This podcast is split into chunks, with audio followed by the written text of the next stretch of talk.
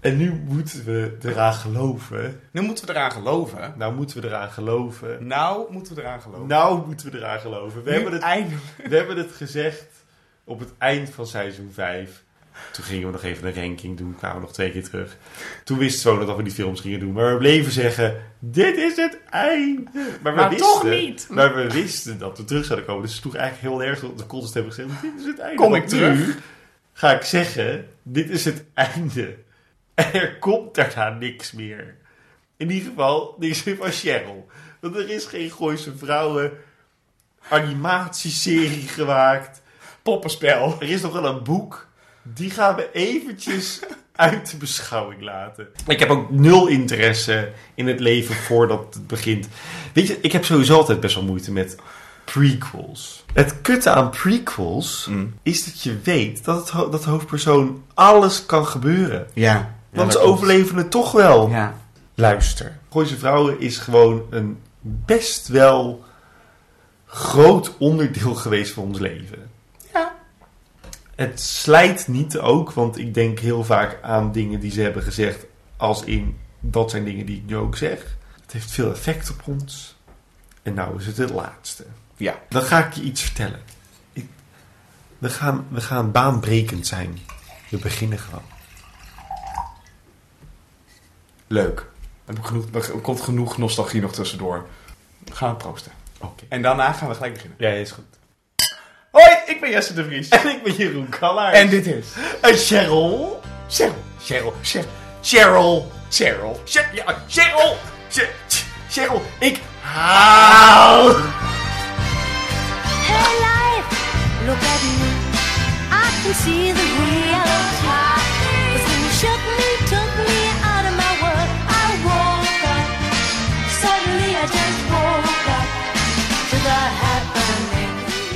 Een Gooise Vrouwen podcast. Even een slokje tegen de emotie. Ja. In Cheryl, een Goois Vrouw podcast bespraken Jeroen en ik in totaal al 3719 minuten en 71 seconden van de alle 2071 minuten Gooise Vrouwen. Leuk weetje. Leuk weetje. Weet je een leuk weetje? Ik wel een leuk weetje. Nou, de langste podcast duurde 1 uur 42 minuten. Dat is de film. De kortste podcast was de eh, teaser voor Spotify. Ja. Dat was 1 minuut. Ja. Een bijzondere vermelding. Aflevering 23 van de serie Wijnproeven. Die duurde 47 minuten en 47 seconden. dat is toch geestig? Ja. Nou, dan nog over de serie. De langste afleveringen waren Eindgoed, Algoed en Triviant. Ja, dus in de serie. In de- van de in de podcast. pod- ja. in de serie, Ja, in de serie. Ja. Eh 50 minuutjes. De kortste aflevering was ook een van de slechtste, dus dat maakt ook heel erg Is fijn. dat vragen? 41 minuutjes. Niemand weet ook waar die aflevering over ging. Niemand weet waarom. Ja, het sleppap. Ja, slap op ik hou. Deze aflevering van de podcast hebben wij het voor de laatste keer over Cheryl, Cheryl, Cheryl, Cheryl, Cheryl, Cheryl, Cheryl. Ach, wat leuk. Nou, wat gezellig. Hoi, ik ben Anouk. Ik ben Claire, Claire van Kampen, oké? En dit is mijn voorkant. En dit is mijn achterkant. Ik ben Roelien Groothezen en ik hou van honden. Martin, hou je van zwarte lak? Ik heb liever dat je aanbelt, Evert. Ding dong! Ja, dit is Cor. Dus Mogen wij misschien een stukje privacy, Jari? En die homerekkende bimbo die in het IJsselmerel te liggen met de betonblokken aan de boot. Ja, Daphne. Daphne. En dan kan ik alleen maar zing- zingen. Het was als de laatste keer, die zien we nooit meer weer. En de tijd staat even stil. Ja, ik wil. Ja. Ja, we doen, Jesse, voor de laatste keer Ja. iets bespreken. ja.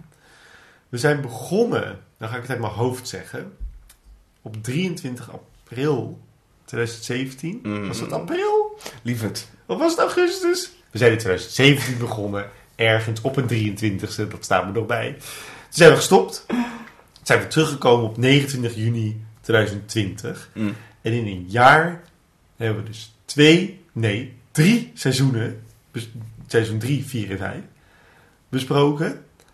En dus ook twee films. Dus in een jaar tijd hebben we meer gedaan dan op het begin. maar luister, we hadden persoonlijke groei en ontwikkeling nodig. Ja. Ja, nou, noem het maar dat. Ja, doe het maar dat. Wat we gaan doen, is bespreken Van. dubbele punt. Gooise Vrouwen, de film, het deel 2. Ja. Ja, ik, ja het, is een, het is letterlijk een deel 2, want hij stopt, of hij begint waar film 1 is geëindigd. Toen hebben ze allemaal eh, Claire uitgezwaaid naar Burkina Faso. Het begint niet daar. Nee, het, maar het is een vervolg op 1. Het is, Ja, dus niet, het, het is niet een losstaande film Het is ook geen aflevering. serie. Het is, oh, het is zeker geen aflevering. Het is echt een- het is de eerste echt film. een film. Het is de eerste film. De enige film. Eh, en ik, maar deze film had niet kunnen bestaan zonder film 1.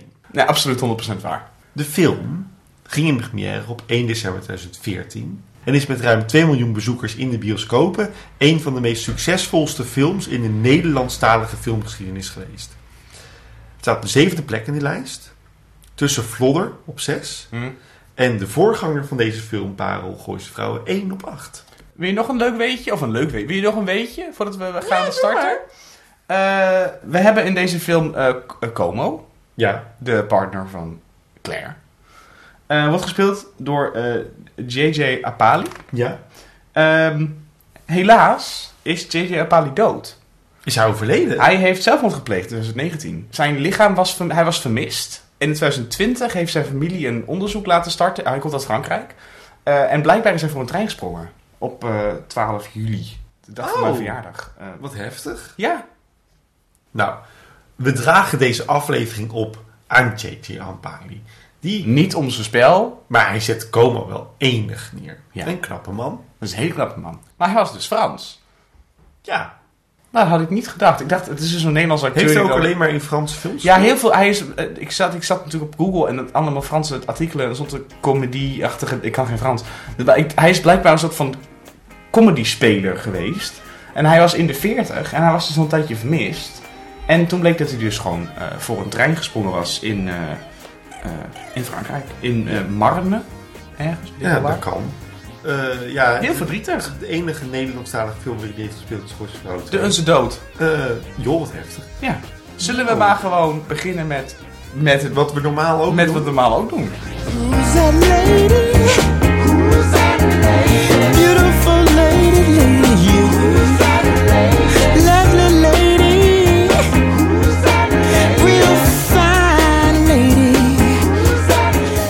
Vrouwen, de film. Deel 2. Geschreven. Ja, ja. Kan natuurlijk maar door één iemand worden geschreven, dit soort ellende. En dat is namelijk een Frankje. Een fruitappels. Een Fruitappel. Hij was er in zijn eentje, dus wat zeggen we dan? Een fruitappel. En we zijn Fruitappel.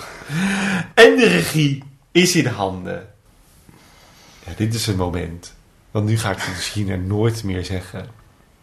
Voor altijd heel eeuwig. Ja, totdat we dus bij alles is misschien een keer een romantische komedie van de tegenkomen. Maar de regie was in handen. En zal altijd in de handen blijven als het gaat om het Gooise Vrouwen-universum. Van de koopman der koopmannen. Ze heeft het verkocht ook. Ja, Ze heeft de hele Aan- stand leeg verkocht. ja. en niet, aan, niet alleen maar aan mannen, maar vooral aan vrouwen. Gooise vrouwen wel te verstaan. En heel veel Gooise nichten. En wij.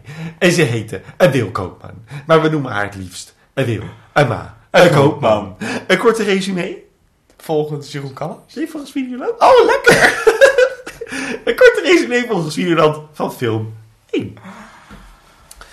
In het gooi verlopen de levens van de vriendinnen Cheryl, Claire, Rodine en Anouk alles behalve soepel. Cheryl's man Martin loopt voortdurend achter andere vrouwen aan. De dochter van Claire vertrekt met haar gezin voor drie jaar naar Burkina Faso. Roline is van slag vanwege het slaan van een bejaarde. En tot overmaat van ramp wordt Anouk door haar dochter uitgemaakt voor slet. De dames waren hard toe aan vakantie. en besloten in Parijs een cursus te volgen om weer een beetje tot zichzelf te komen. Is niet gelukt, hè? Nee, en ik denk ook, ja, voor wat Gooise Vrouw 1 was, is het een prima resume. Het was de synopsis. Welkom. En nu echt voor het laatst in het gooi. Waar de rituelen niet eeuwig door kunnen gaan, boze ogen roet in het eten kunnen gooien en ik niks anders kan zeggen dan dat ik mijn gooise vriendinnen erg hard ga missen na vandaag. Dit is chef. Dat is gek. 525,600 minutes. 525,000 moments, oh dear. 525,600 minutes. How do you measure, measure a year? Acte 1. Nou, daar zit, daar zit niks achter. ja, dan denk je dan heel eventjes, maar dat is niet zo. Ergens in de verre toekomst rijdt een Tesla richting een chic afgelegen landhuis waar onze oude vertrouwde vier vriendinnen bij elkaar zijn gaan wonen. Nadat Cheryl voor alle dames hun medicatie heeft opgehaald, komt Claire van een rondje ochtendgymnastiek en pakt die appels, mevrouw van Kamp. en Anouk van een ouderwetse schildersessie, inclusief jong mannelijk model, voor een gezamenlijke lunch. Die wordt geserveerd door een soort tippie van de toekomst, genaamd Lolit. Ik gooi er meteen even twee credits doorheen. De jongen die het model speelt is Luca Zavazzi. Hij speelt dus al vanaf 2014 in GTST. Oh, Ik weet niet als wie, maar hij speelt in GTST. hij heeft een hele grote... En Kan die hockey, hè? Lolit wordt Ja. gespeeld door Marianne Dang. Ja, ik heb moeite met Loli. Die in een andere film ook al een keer een au pair heeft gespeeld. Luister, we gaan het zo meteen hebben over Lolit, maar nu niet. Nee. Want nu zitten we namelijk in de akte. Arnoek vertelt dat Tom met een 36-jarige blondine in Stockholm zit, terwijl ze zich lekker volvreet aan de sun. Tom. Spicy is no good for us. Jolene no eat pork and Anouk go very windy. I love them, Tom. Hoe is het trouwens met Tom? Wat? Met wie? Je ex-lieveling. De vader van je kind. Claire wil een nieuwe traplift, maar Cheryl wil vooral aankaarten dat het huis veranderd is in een soort van kinderboerderij. En allemaal dankzij Roelien, die zelf in het bos loopt met 40 honden. En een paard alleen zit in een weiland. Haar reddingscomplex roept. Red me. Cheryl heeft echter geen tijd om op Roelien te wachten, want ze moet naar de, De bron. bron. Als ze daar die avond van terugkeert, staat het paard van Roelien in de gang. Wat is er aan de hand? Nou, ik had niet gedacht dat ik dit ooit zou zeggen, Anouk. Maar er staat een paard in de gang. En net op dat moment komt de politie binnen die Roelien moet meenemen. Dat zeggen ze niet, maar ze nemen haar gewoon mee, want daarna zitten we namelijk in de We rechtbank. moeten even door. We moeten even door. We moeten door. Ja, nee, met, met in, de, in de film. Niet, de podcast, maar in Nee, we moeten door. We hebben geen tijd. Dat is goed, want anders komen er weer honderd montages tussen voordat jij een keer een keer in de rechtbank bent. Of dan gaan ze iets met een rechercheur doen. Nou, dat wil je allemaal niet. Later in de rechtbank blijkt dit al de vijfde keer te zijn voor zij van Groothezen. Maar met Claire aan haar zijde proberen ze haar toch weer vrij te pleiten. Claire belooft de rechter dat zij en haar vriendinnen beter op Roelien zullen letten. Jeroen schudt met zijn hoofd. maar- Zoals ze dat altijd hebben gedaan. Terug naar het heden, waar hedendaagse Rudien, Cheryl en Anouk op Schiphol zitten te wachten tot Claire terugkomt van drie jaar Burkina Faso. Toen waren dus achterlieten bij Schiphol in 2011. Ja, nee, toen was het gewoon nog met... Tot ziens. Dag, dag. Ja, daarvoor was het dag, dag, dag. Ging het dus drie jaar weg. Ja, naar Burkina Faso. Ja, ja, weet je, moet ze zelf eten. Anouk heeft voor de vriendinnen voor onder het wachten een lekker stukje appeltaart gehaald. Maar het vliegtuig is al lang geland. Cheryl vindt het daar toch al lang geen acht meer. Maar iemand op de achtergrond geeft Cheryl's kont nog steeds een dikke 10. Jawel, Claire van Kampen is volledig gestoken in Afrikaanse klederdracht terug in de Nederlanden. Onderweg naar huis vertelt ze dat ze een nieuwe vriend heeft, Como. En dat ze niet terug kan naar haar eigen huis dat ze tijdelijk heeft onderverhuurd. Aan de Franse zanger. Again. Hoe heet de Franse zanger ook Couterie. Charlie. Ik weet niet hoe ze echt naam Zijn echte naam is niet belangrijk, maar hij heet in ieder geval Jean-Louis. Oh ja, Charlie. Maar charcuterie blijft altijd geweld.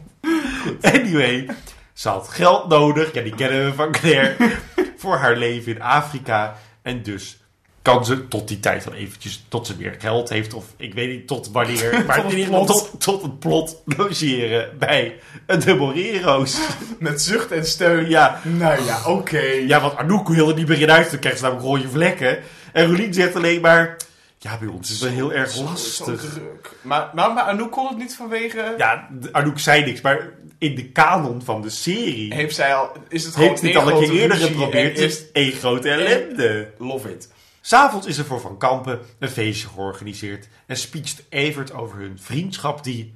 Hoe zei Tina Turner dat ook alweer? Ja, eh... private dancer. Ja, Nee, dat vind ik zo smerig. Kut bullshit limits. Het is een... Dit bullshit limit, ja, ja, ja. Nou, nee, het, een vriendschap die River Deep Mountain High gaat. En Mahatma Gandhi... Ja, nou. Rond hem even af, schatje. En, ja, en heeft Claire voor iedereen cadeaus meegenomen.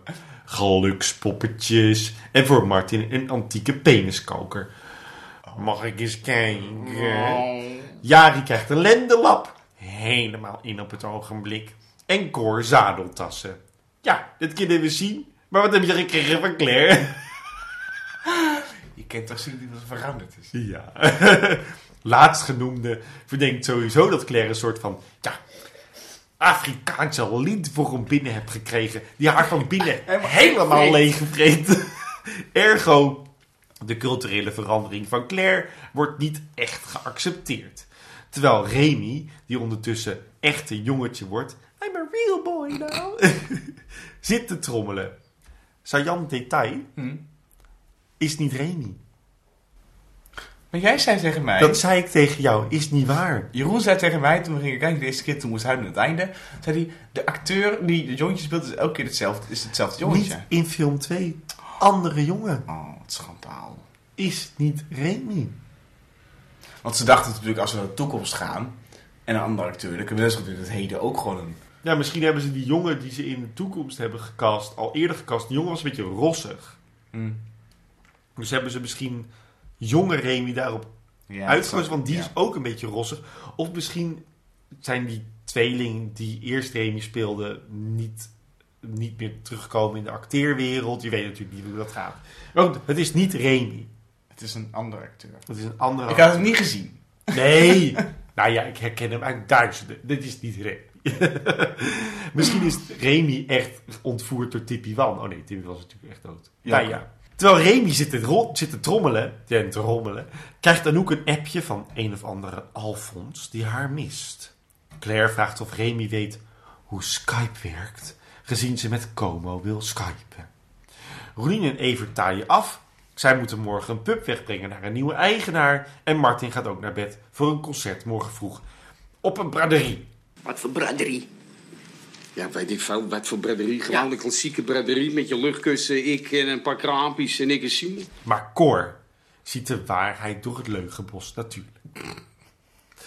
De volgende dag zit Anouk te wachten in een restaurant op Alfons. Die al een uur te laat is. En gaan Rolien en Evert Cooper, de pub, naar zijn nieuwe huis brengen. Maar de nieuwe eigenaresse is niemand anders dan Daphne. Ofwel Bimbo 2014. De nieuwe scharrel van Martin Morero. Die ook bij haar in huis is, net wanneer de pub wordt gebracht. Na een korte confrontatie, waarin Rolien er ook achterkomt dat Evert al wist van de affaire, eist Rolien dat Martin het aan Cheryl vertelt, voor ze het morgenochtend zelf zal doen. Dit is een callback. Dit is belachelijk echt hetzelfde als Hier de- ben ik heel erg blij mee. Daar gaan we het zo meteen over hebben. Gekwetst stormt ze weg. Met Cooper, die onder geen beding pluisje mag heten, nog stevig in haar armen. In Huizen Morero ondertussen zit een nietsvermoedende Cheryl Claire allemaal eten te brengen wat Claire niet kan boeien. Ik eet helemaal geen vlees meer. Ja, soms valt er wel een leguaan dood en dan eet ik die wel. Roadkill. In Afrika was alles vers en zus en zo en dit en dat. En ze hebben daar de tijd en hier de klok. Bevangen door heimwee naar Como, trekt Claire zich terug en wordt Cheryl ge- gek van dat getrommel van Remy. Weet je wat het is, Cheryl? Hier hebben we de klok. Ja? En in Afrika hadden we de tijd. Anouk zit in haar auto Alfons te bespieden, die thuis heel normaal met zijn gezin als hoeksteen van de samenleving aan tafel zit. Hij snelt naar haar toe en blijkt een hooggeplaatst politicus te zijn die s'nachts wel even een bezoekje zal komen brengen aan Anouk de Schuur. Als Martin thuis komt, wil hij Cheryl over Daphne vertellen. Maar die heeft net een slaappil genomen. Ze werd gek van Claire en, en, en hoe heet hij? Rees getroffen.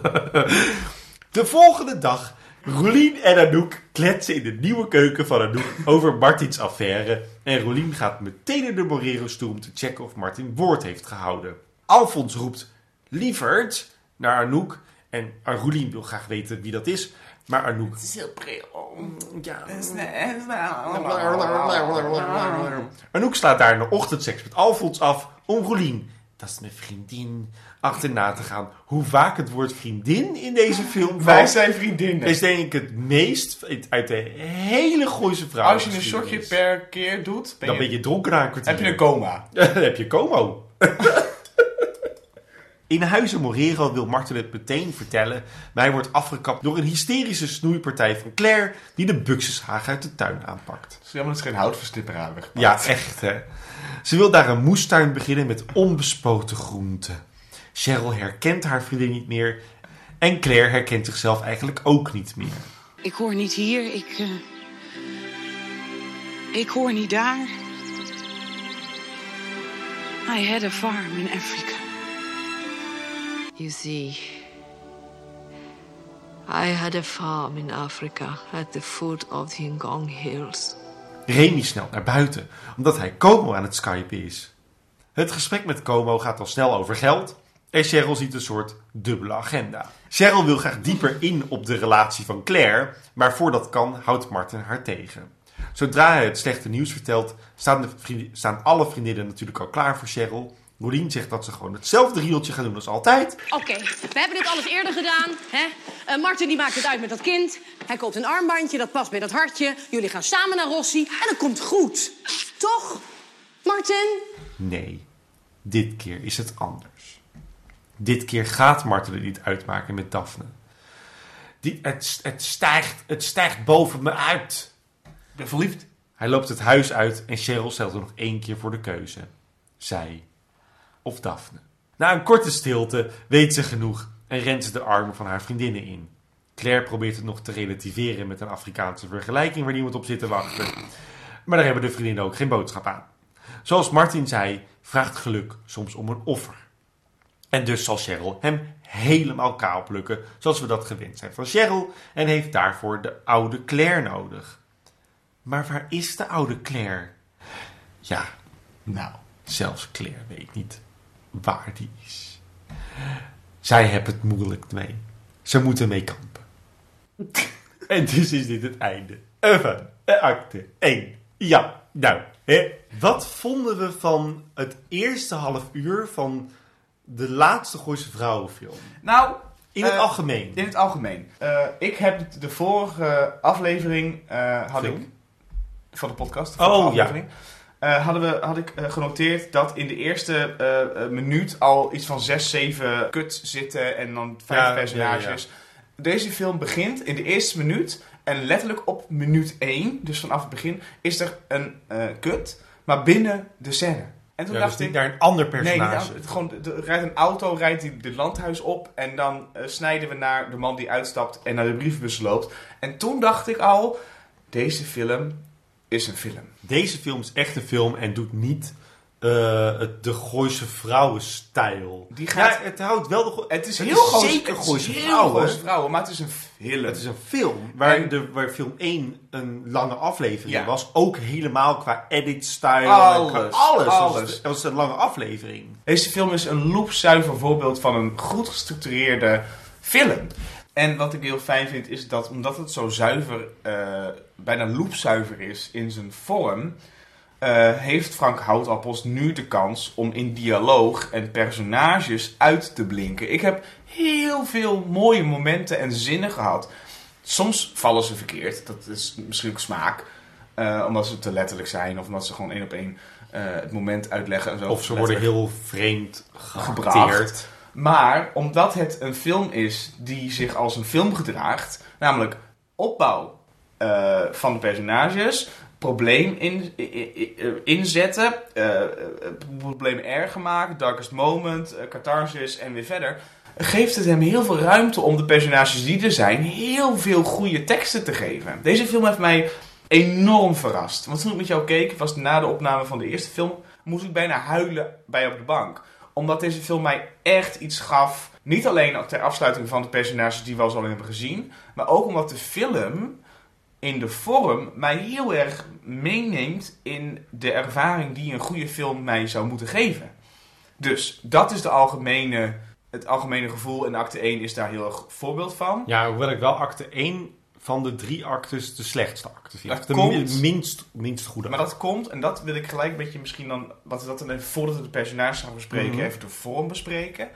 Eh, de film doet iets heel geks. Namelijk, het begint in de toekomst.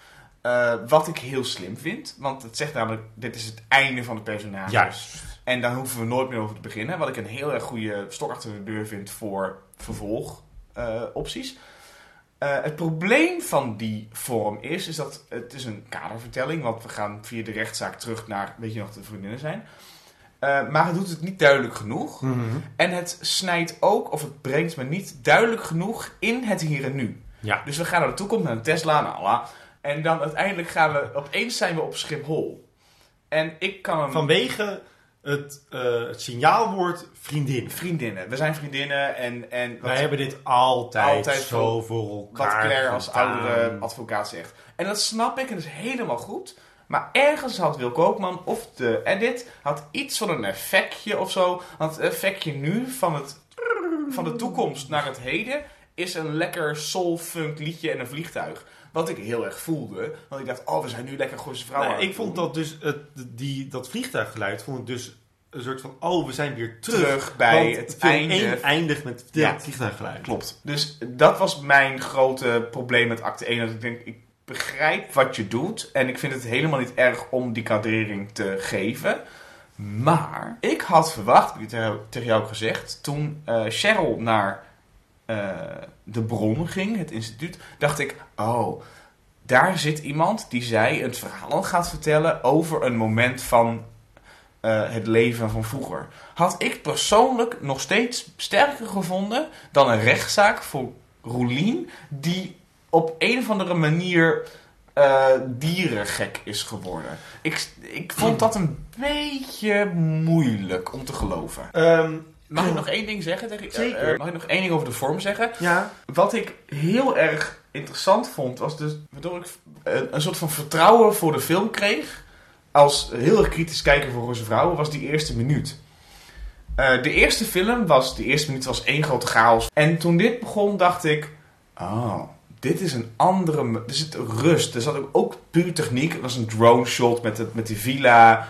En ook niet een soort van poeha liedje, maar gewoon een rustig. Dat ik dacht, oké, ze, hebben hem, ze hebben hem door. En wat interessant was aan deze film, want ik, had natuurlijk dan, ik wist alleen maar één ding van deze film, dat er iemand sterft. Het gaf mij zoveel goede vragen.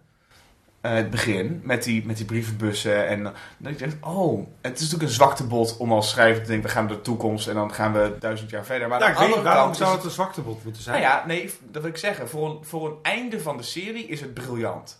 Namelijk, dit is het einde van de personages. En we gaan terug en we gaan laten zien hoe we daar komen. Ja, voor, een, voor iets wat Gooise Vrouw is, vind ik het geen zwaktebod. Vind ik het juist voor de film spreken dat we naar de toekomst Ja, gaan. precies. Laten wij voor het laatste maal beginnen met Cheryl Moreno. Ik dacht meteen, eh Cheryl in de toekomst gebaseerd op Willeke Alberti. Want zo ziet ze eruit. Ziet eruit als Willeke Alberti. Klopt. Eh, dan wil jij even wat zeggen over Lolit. Eh, ik dacht, en toen ik hem zag, dacht ik, weer een tippie. Ja, Hebben we nou niks geleerd, in de Beat Beat ook, hebben we nou niks geleerd? Nou ja, eh, we mogen merken van de backlash van de scènes die eruit gehaald zijn, dat er inderdaad toen nog niks geleerd was. Maar toen dacht ik over de personages. Vier vrouwen op leeftijd met veel geld, die een buitenlands meisje aannemen voor de zorg. Ja. Zij hebben alle vier in het personage de reden om te zeggen nee. Ja. Dus waarom nemen zij alsnog zo'n meisje aan? Niet racistisch bedoeld, maar puur per Tippy Wan Ja, gerelateerd. Kijk, als het nou een tehuis was, maar het is een privaat... Ja, precies. Ze hebben is- er zelf voor gekozen. waar ze zelf wonen en ze nemen een Tippy One no offense, lookalike, qua rol alleen al, nemen Ja, ze aan. Ik denk, dit zouden ze nooit doen. Nee. Nooit van hun leven. Maar dat zouden ze dus nu in de 2021 versie van Gooise Vrouwen denk ik niet nog een keer Nee, maar het gaat niet om racisme of om kleur. Het gaat Nee, om nee, het nee. gaat om ja, nee dat ja, snap ik heel goed. Ja. Dat vond ik vreemd. Nee, klopt. Even een vraag waar we bijvoorbeeld bij de hele film over gaan praten. Wat is het met Anouk en eten? Die leg ik heel eventjes neer. Als je daar nu al antwoord op hebt, mag dat. Maar anders Anouk geeft aan dat zij op een gegeven moment, als zij het uitmaakt met meneer de politicus, dat zij eten, dat zij seks gaat vervangen met eten. Dat wordt deze film ergens benoemd. Ja, klopt. Maar in, In de hele serie lang is dat Maar nooit. in oude versie Anouk, eh, zeg maar toekomst Anouk, eh, zit zij wel te wachten tot ze dat naakmodel kan. eh, Dus dat kan is totaalloos. Dus seks is weer terug in Anouk's leven. En ze zegt nog tegen de tuinman, alles doet het nog gewoon. Dit is een trucje om het personage Ze zegt op het iets begin, van effect te geven. Ze zegt op het begin in, op Schiphol, zegt ze... Ik kan alles eten wat ik wil, ik kom geen grammetje aan. Oftewel, ik kan dan denken, oké, Anouk ziet dus niet bij zichzelf wat Maar- er gebeurt. Maar dat is een grapje voor de kijker, omdat wij haar dik gezien hebben. Maar dat is ook iets wat alleen maar bestaat in het universum van Gooise Vrouw 2, de film. Mm, Het heeft nog nooit eerder bestaan in het, in, het universum van Anouk. Ik vind dat dus een heel vreemd ding. Anouk Als- had alles kunnen krijgen wat te maken heeft met seks of kunst of Als whatever. iemand op een eh, stoellift had moeten zitten, was het Anouk. Van het uitneuken en de drugs. Claire had moeten dik zijn. Want Claire heeft met haar relatie met... eh, Vanwege Dirk. Van Dirk uitgemaakt, omdat ze gewoon eh, haar verslaving verving. Verslaving überhaupt over hebben zo meteen nog. Daar gaan we het nog over hebben. Eh, met eten. Ja. Anouk, haar, haar fascinatie met, met friet en dat soort shit... is alleen omdat Anouk gewoon een loos personage is... die Maar Anouk is, hè, dat vind ik zo irritant. Anouk is van de vier personages niet, dat is de Roelien. Roelien is het logische personage, want daar kunnen ze niks mee. Maar Anouk, daar had, daar had Frank, Frank schrijft al vijf, zes, zeven jaar voor Anouk Verschuur. Die- kom op. Ja. Ik vind de trope van Anouk gaat dan maar eten, vind ik zo irritant. Anouk heeft twee dingen. Eten en vreemd gaan. Heel vervelend. Ja, heel vind ik echt jammer, want, Heel vervelend. de, want Suzanne Visser doet Anouk deze film Heel goed. super Heel goed. Heel goed. Eh, jij zei de bron als plek waar eh, Cheryl met iemand in gesprek had kunnen komen. Ik dacht dat de bron op het begin een kliniek was om waar ze gewoon boodschappen ging doen. Want eh, Claire zegt gewoon, heeft het nog wel zin tegenwoordig? Ja, ik, ik, ga, ik ga op bezoek. En, dat, En daarna zegt ze, ja, maar ik doe je de groeten. En dacht ik, oh ja, dat kan dus niet. Maar ik vind het gewoon iets ik, vind, ik vind de bron een beetje te futuristisch voor wat de serie is. Ja, precies. En ik vind... ehm, Wat ik verrassend vond aan de bron, was dat zij aankomt rijden en dat ze met tegenzin een soort van zich voorbereidt op een gesprek. En dat we snijden naar de avond dat ze terugkomt. ja, Want ik en dat toen- ze dan moe is en een beetje Want geëmotioneerd. ik dacht toen, toen we het voor het eerst met, met z'n tweeën kregen, oh, we gaan nu gelijk naar het personage die er zit, Martin.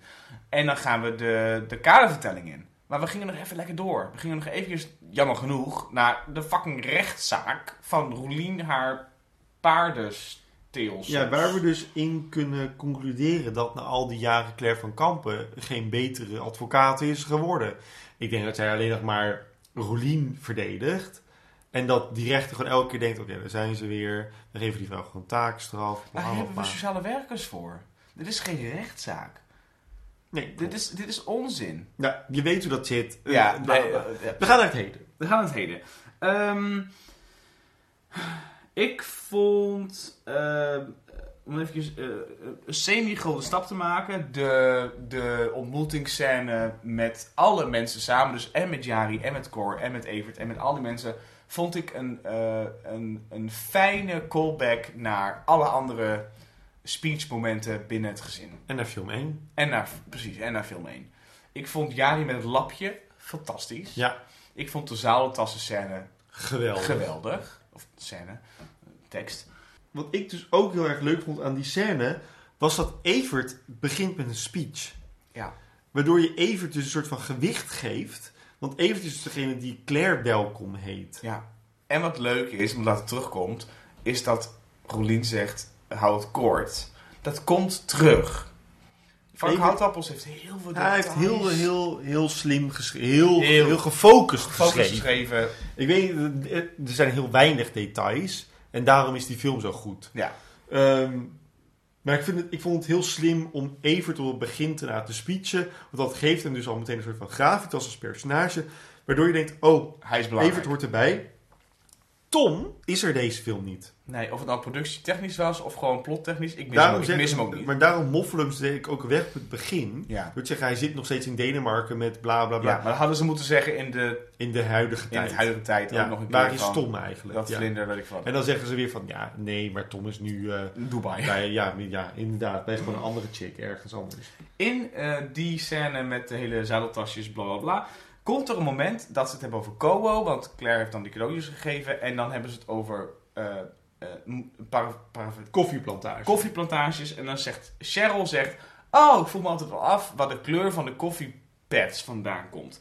En dan hoor je Martin beginnen aan een zin, en dan snijden ze weg, en het volgende wat je hoort is dat Anouk of iemand tegen Rolien zegt, hoe gaat het met jou? Mhm. En toen zeiden wij allebei tegen elkaar, hier, Hier is het uitgehaald. Het is daarvoor gesneden, namelijk Claire namelijk uit het niets. Como heeft een koffieplantage. Mm. En daarna zegt Cheryl bla bla. En daarna komt die, komt die andere kut. Daarin zitten dus twee opmerkingen van Martin. Die er dus uit zijn gehaald. Die binnen het personage van Martin. Waarschijnlijk past in zijn personage. Want als er iets niet past in een personage over racisme, is het fucking Claire die dan gaat zitten preten- pretenderen. Ah, racisme, dit is Ja, racisme. dit is natuurlijk het hele interessante aan het personage Claire deze film. Ja, Claire is, niet, is, Claire is gegroeid op het moment dat ze zeg maar eh, pretentieus en elitair kan doen over ik ben in Afrika geweest. Nou, ik ga je dus zeggen. Claire is niet gegroeid. Nee. Claire is alleen maar nog steeds racistisch. Ja, Claire is fakend. Ze is niet gegroeid. Fakend. Zij, vindt, zij is zo'n vrouw die dan inderdaad naar Afrika is geweest. Nu Ik heb weesjes maar, dat, maar, maar dus constant wil benoemen Ik ben niet racistisch. hoe racistisch ze is. Door de hele te zeggen in Afrika ze dit, in Afrika deden ze dat. Hoe durf je het te In zeggen? Afrika sliep ik op een rieten matje. Kind! Ja.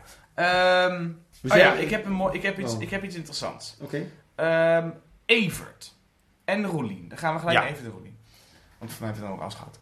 Eh dus Rolien heeft een, eh, heeft een puppy en die gaat naar die Daphne. Cooper. Cooper. Daarvoor zegt Martin bij het feestje waar iedereen is... ik ga slapen onder de braderie. En dan zien wij een shot... dat heb jij gezet in die Beat Beat van Cor... die denkt, mm, niet zuivere koffie. Maar ook van Evert. Dus Evert wist het al. Nou, interessant. Prima. Dat is wel grappig, want daarna... Dan gaan ze die, die scène met die auto in, in, in Zaandam, weet ik waar ze zijn. Nee, nee, nee. Naar de vesting. Oh, naar de vesting. En dan... We zijn in het gooi. Oké, prima.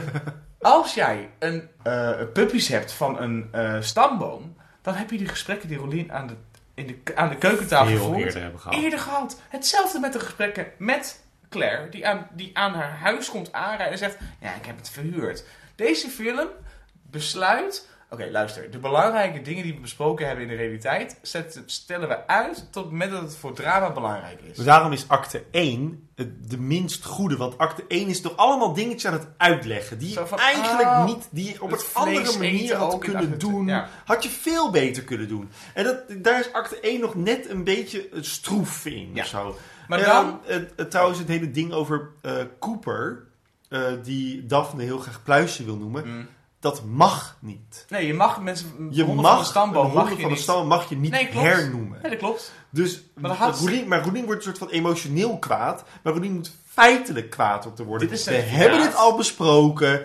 Hier is alles. Hier is alle informatie. Als je hier niet mee akkoord gaat, dan neem je Cooper weer mee terug. Want je moet hiermee akkoord gaan. Anders krijg je Cooper niet. Ja, klopt. Maar de enige reden voor haar om daar te zijn is dat Martin, Martin. daar is.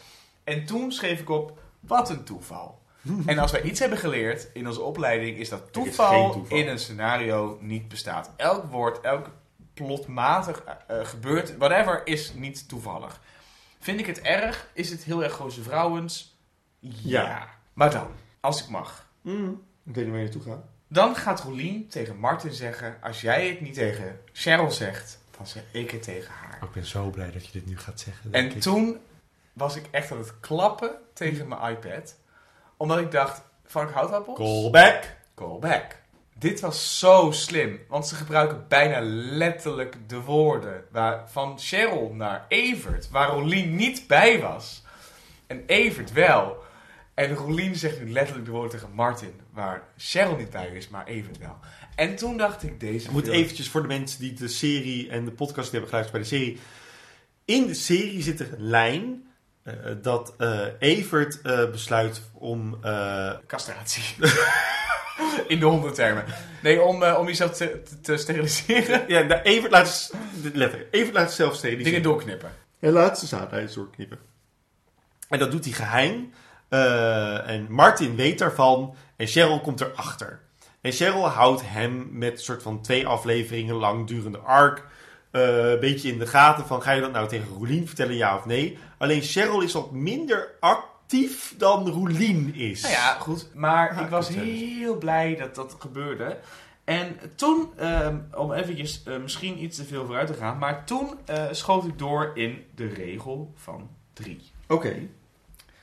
Jeroen, jij hebt in het begin van onze podcast het gehad over de regel van drie. En van mij hebben we die zelf bedacht? Of... Nee, de regel van die bestaat.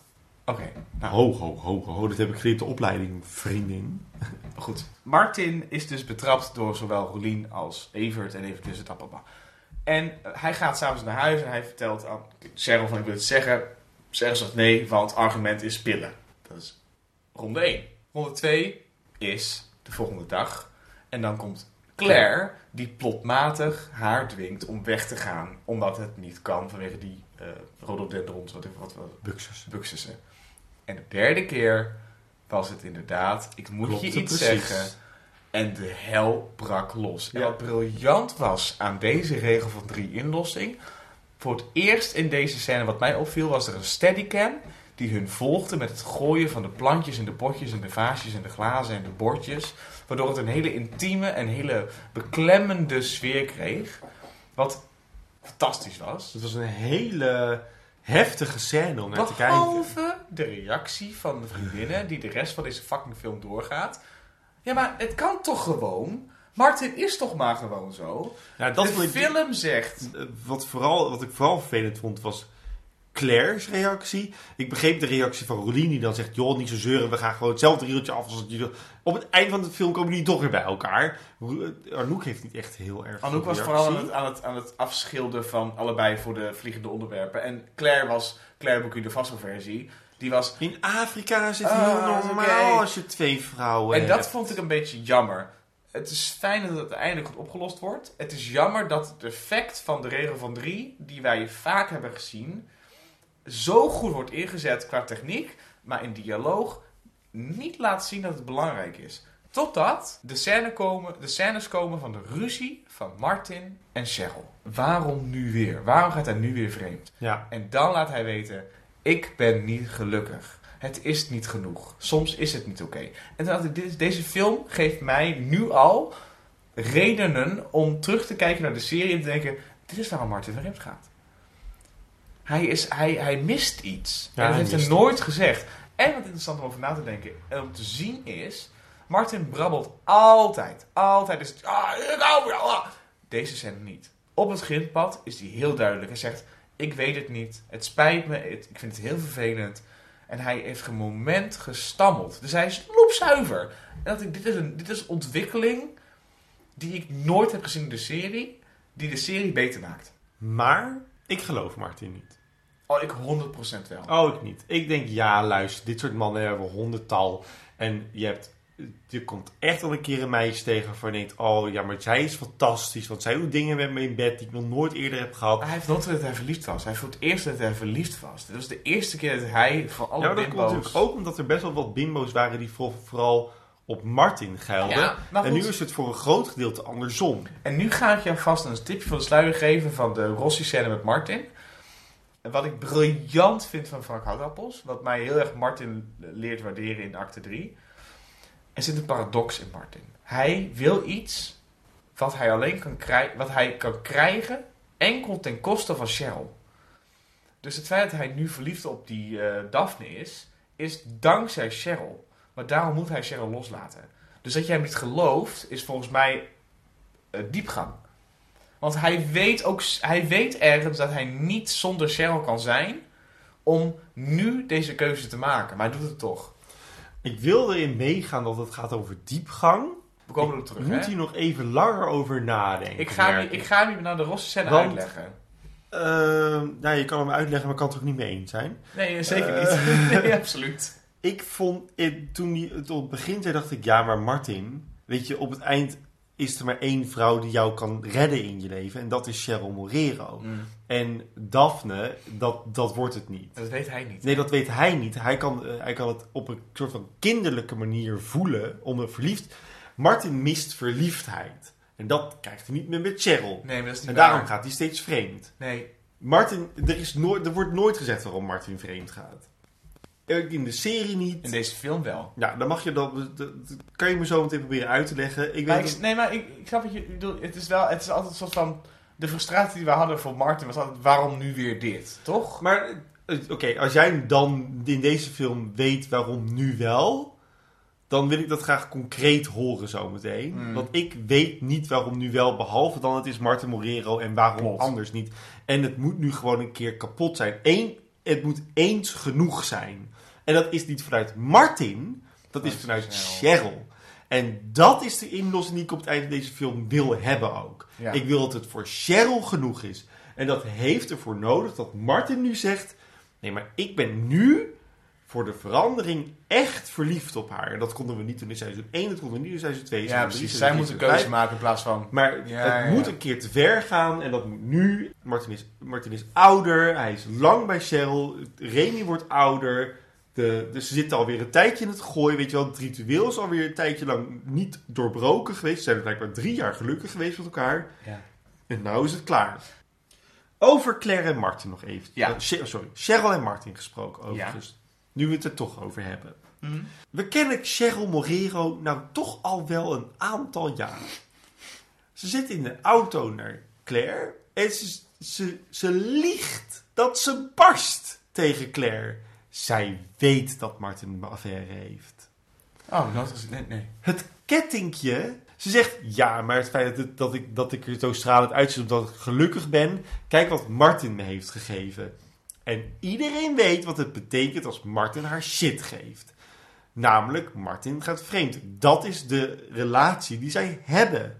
Dit is interessant, want ik ben dus zo erg door de film ingepalmd in hun liefdesleven dat ik niet de eh, rode vlaggen zie van dit moment. Ik had hem niet door. Nu je het zegt, denk ik. Ik dacht meteen. Zoveelste keer, inderdaad. Cheryl liegt. Ze weet dit. Nee. Ze wacht tot de bom barst. Ik denk dus, Cheryl heeft het weer niet door. Ik had het ook niet door, want ik ken Cheryl heel goed. Oh, ik had het wel door. Maar ik het dus niet. Ik dacht meteen, oh, je liegt. Oh ja, ik ben dus naïef en ik denk... Luister, Martin heeft haar ook al een keer een, een tennisarmbandje gegeven. Toen Greet nog leefde. En toen keken Greet en, en Cheryl elkaar aan van... Oh god, hij gaat vreemd. We Ja, weten zo dat. Martin iets gegeven. Zij zit gewoon te wachten. Nee, zij hoopt dat het... Wat bij Cheryl is... en Dat is misschien naïef. Ze hoopt dat het niet zo is. En ik denk, mijn argument is... Voor de film heeft Frank Houthaus besloten dat Cheryl naïef is. Want dan is het effect van het vreemdgaan heftiger... en een goede reden voor haar om te reageren zoals ze doet. je kan na een serie en een film niet meer zeggen... ik besluit nu voordat deze film begint dat mijn hoofdpersonage naïef is. Dat is ze niet. Nou ja, ik goed, ben slim genoeg. ook niet zeggen- Daarbij is, niet, ze, is, ze is niet naïef, want in acte 3 laat ze heel goed weten dat ze niet naïef is. Nee, maar ze wist het niet. Maar ik bedoel, je kunt ook niet zeggen dat Claire niet racistisch is in deze, in deze eerste Claire is racistisch. Maar dat doen we ook alsof het een soort van is van... Oh ja, Ja, ik ben ook dan er zit daar en- onder in alles dat Claire racistisch is. Eh, dan, de, eh, dat Claire die Buxushagen... Ja. Dat gaat me te ver qua geloofwaardigheid. Ja, ik ook. Die, die tuin is heel groot. Dat gaat me te... Cheryl zegt ook letterlijk, mijn tuin is heel groot, maar hier schijnt de zon. Dat is, Dat is niet waar, waar. Claire. Het is een open, het is, het is een open tuin. Zijn En dan denk ik ook, oké, dan het moeilijke eraan is, het is ongeloofwaardig, maar de scène zegt dit is ongeloofwaardig. En Cheryl zegt dit is ongeloofwaardig. En Claire zegt op een gegeven moment ook dit is Nee, ongeloofwaardig. En daardoor kan ik dus niet meer zeggen wat een kutscène. Want de scène is uiteindelijk heel slim. Maar als je begint met de scène, denk ik, ja maar dit kan niet. Dit is en een vervolgens gaan waanzin. dus allemaal personages zeggen, dit is waanzin. En ik, godverdomme. Sinds Ja. wanneer is Gooise Vrouwen zo slim? het probleem is... En dat het mij voor is als kijker. Het probleem is dat Claire het, de synopsis van de film heeft vanaf het eerste moment dat zij terugkomt, vanaf het eerste moment, gezegd zij is aan het wankelen in haar bestaan. Alleen omdat zij binnenkomt als... Ah, ik ben klein, ik ben zo gelukkig.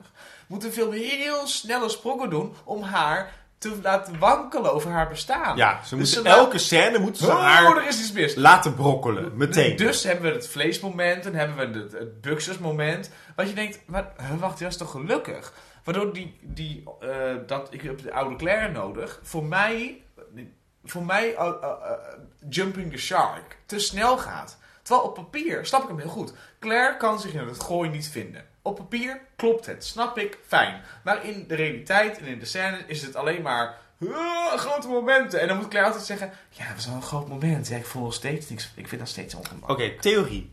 Theorie. Eh, is het een theorie of is het een stelling? Misschien is het allebei. Een theorie. Een, nou, komt niet uit. Idee. Ze hebben door de stereotypering van de Afrikaanse cultuur in Claire van Kampen de fout gemaakt. Ja. Claire, drie jaar in Burkina Faso, raakt zichzelf niet kwijt na drie jaar in Burkina Nou, dat Faso. natuurlijk niet. Die komt terug en die heeft een beetje opstartproblemen. Laat haar gewoon terugkomen als Claire in een soort van letterlijk out of Africa Ik heb geen geld meer. pakje. En het geld is op en oh, ik heb wel een vriend in Afrika en bla bla bla. En het is super mega grappig als je begint zoals Out of Africa begint. Maar dat zij binnenkomt op Schiphol en zegt, het gaat niet zo goed, I had a farm in Africa. Dan kan je namelijk, zeggen. dan, wat ze ook zeggen op het begin van Out of Africa, wat ze zeggen op het eind van acte 1. Ja. Als je daar dan mee begint, dan weet je hoe laat het is. Dan denk je namelijk, oh god, Claire denkt dat ze Meryl Streep is. Of zij is naar Afrika gegaan voor haar kleinkind. Ja, Ja, hele klopt. fucking kleinkind is... Maar heel Merel en... Ja, zij heeft met Merel en met eh Kobo heeft zij, eh, heeft zij een AIDS-fonds eh, weeskindjes ding opgestart. Had dan gedaan, ik mis mijn kleinkind. Ik heb altijd voor mijn kleinkind zoals mijn dochter, de vriend van mijn dochter, een, Wienand. Wienand, een weeshuis konden bouwen. En nu ben ik terug en nu ben ik ontheemd en ben ik... Ja, en ik heb mijn huis onderverhuurd. Alles misschien... Oh, ik heb al mijn geld gegeven aan mijn, aan mijn kinderen om te laten zien dat ik echt wel goed mens ben en bla bla bla bla. Ik ben niet racistisch, bla bla En nu is alles op. Kut, kut, kut. Oh, zoveelste oh, keer. oh, ik ga wel... De, de sprong van eh eh, Burkina Faso Claire naar eh Gooise Faso Claire Ja. is een beetje te groot. Ja. En, Omdat en we ik ook dus- weten dat zij de toekomst nog steeds advocaat is. En, En ik vind dus ook dat je kan zien aan eerste acte Claire dat eh, je, je kijkt niet naar Claire. Maar zodra we in acte 2 beginnen, is het weer Claire. Er is niks aan de hand bij Claire. Zodra Claire gewoon de haar doet en een lekker wit pakje aan heeft, dan is het namelijk gewoon weer en het is- Claire. Oh, fijn dat je weer terug bent. Binnen twee seconden. Ja. Ja. maar luister eventjes. Wat ben je dan aan het doen in die eerste acte? Hadden we even iets langer over na kunnen denken. En we gaan door naar acte 2. Acte dos. I hear the drums echoing tonight, and she hears only whispers of some quiet conversation. She's coming in 12:30 flight. Moonlit wings reflect the stars that guide me towards salvation. I stopped an old man along the way, hoping to find some old forgotten words or ancient Jeroen, als je dit luistert, eh, dit mag in de podcast, als een soort van hommage momentje. Ik vond het heel fijn met jou deze podcast te maken. En eh, misschien jij ook. Eh, op naar de volgende. Volg mij en jouzelf op Cheryl Podcast op Instagram. En eh, vergeet je niet te abonneren op alle kanalen waar het kan. Ik ga nu mezelf inlezen op acte 2, want volgens mij ben jij echt op vuur om te praten over de verdere inhoud van de film. Succes met monteren. Tiro. Acte 2. Of zoals ze in Spanje zeggen, acte dos. Ja. Om de oude Claire te vinden, zit er maar één ding op. Drinken? Salon Jari. Want Oh. Jari heeft een eigen salon. Ja. Die plukt en trekt en schuurt onze oude vertrouwde Claire van Kampen weer onder de Afrikaanse vars vandaan waar ze onder zat. En dat allemaal wordt bekostigd door Martin dankzij Cheryl. In een restaurant wordt getoost op Claire en op... En eh, op Daphne. Het saai Siro Scharminkel. En alle andere homewrecking bitches van Nederland. Dat ze allemaal de pest krijgen en een hele nare soa. Proost. Anouk bestelt een heel plateautje Friedemer en een portie friet. Maar raakt in alle staten als Roelien het gezin van Alfons spot in het restaurant. Ze wil Cooper aan hen slijten en dat wordt tegengehouden door Anouk. En waarom? Tja, dat hoeven we niet meer uit te leggen tegenwoordig, toch? De hoeksteen van de samenleving. Ja. Op de golfbaan hoort Evert Martin uit over wat precies de diepgang is in de relatie tussen hem en Daphne, maar die is voornamelijk seksueel. Ja, soms loopt ze gewoon buiten en dan grijpt ze je bij je ballen. Ondertussen vraagt een of andere botelletter of Evert en Martin willen doorgolven, maar ze praten nog even door, vooral over het feit dat Evert veel gedoe bespaard blijft, gezien hij niet met Roelien is getrouwd. Signaalwoord is getrouwd. en de kakker heeft geen geduld en slaat zijn eigen golfbal recht tussen de ogen van Evert. Voor! Onderweg naar de auto is Cheryl helemaal klaar met het gedrag van Anouk. Ze vindt het asociaal dat juist nu haar vriendin, die iedereen vooral kent als mannenverslinster, haar reputatie eer aan doet. Dan komt er een callback in deze film. Ja. Nou, dat is een pareltje. Dit is leuk. deze manier. Jari snel naar de meiden toe met de rekening. Ja. Want ze hebben weer eens niet betaald. Maar dan belt net Martin Roelien om te zeggen dat Even in het ziekenhuis ligt. En iedereen, inclusief Jari, proppen zichzelf de auto in. Wat dus betekent dat ze hebben geleerd van film 1 en nu doorgaan. Jari dus we gaan, we weg. gaan dit nog een keer doen. Jari kijkt naar die rekening alsof iets vies aan zijn vinger vastplakt. Dus en rent die auto in. Met die frietenmer. Oh ja, frietenmer. Ja, friet en frietenmer. Combi-deal. In het ziekenhuis blijkt Evert ter nauwe dood aan de dood. Zij ontsnapt ja nu nog wel. En laat Claire haar oude kant weer zien. Ze wil proberen de golfclub aansprakelijk te stellen. De Claire Vakante. Hey. Ja, ze is gewoon in één keer bam terug. Ja, na, na, die, na die dress eruit gehaald te hebben en de Claudia Streeter. Ja. Na deze zoete woorden wil Evert graag Roelien ten huwelijk vragen met alle mensen erbij. Ook al zou Anouk graag een broodje lusten. Roelien zegt gelukkig ja. Mag ook wel, want ze hebben het al een keer eerder geprobeerd. Ja. Later ruzien Martin en Cheryl om de sleutels van het huis op de oprit. En de ruzie wordt gadegeslagen door de kleine Remy. Martin gaat daardoor schoorvoetend akkoord en geeft haar de sleutels. En gekwetst rijdt hij weg. In zijn mooie gele leren jasje, die hij nog steeds heeft. Ja, en hij pakt ook zijn eigen cut-out bord van aflevering 1. Die hij heeft weggegeven, die Cheryl heeft weggegeven aan een fan. Klopt. Hij heeft er natuurlijk meer. Ja. Hallo. Hallo. Morero. Koekoek. Koekoek. Anouk maakt het uit met Alfons op de hei. En later bespreekt Jari de opties voor trouwjurken met Roelien. Hoewel wij weten dat haar moeders trouwjurk ergens ligt te verstoffen. Dankjewel. Toch? Ja. Dit is belachelijk. Belachelijk. Dankjewel. Roelien vraagt of Cheryl even naar de gastlijst wil kijken. En Cheryl ziet meteen dat Daphne is uitgenodigd, omdat Martin anders niet wil komen als getuige. Cheryl weigert dan haar uitnodiging en bladert kwaad door een magazine. En Anouk wil graag pizza's bestellen. Quattro formatie? Met extra kaas? Het is niet Daphne Buns koekenij. Nee. In het gezelschap. en daardoor wordt Roelien een soort van ongelukkig. Ja. Het wil vooral wijn. Op Schiphol staat Claire eerst te flirten met een witte piloot. Maar als Como door de gate komt, is ze toch heel erg blij. Hij vindt dat ze erg is veranderd, maar toch zoenen ze liefdevol. Het zit wel snor tussen hen dus. Ja. Dat na deze scène zien. Oh, er is heel veel liefde Ja, en is passie. heel veel passie.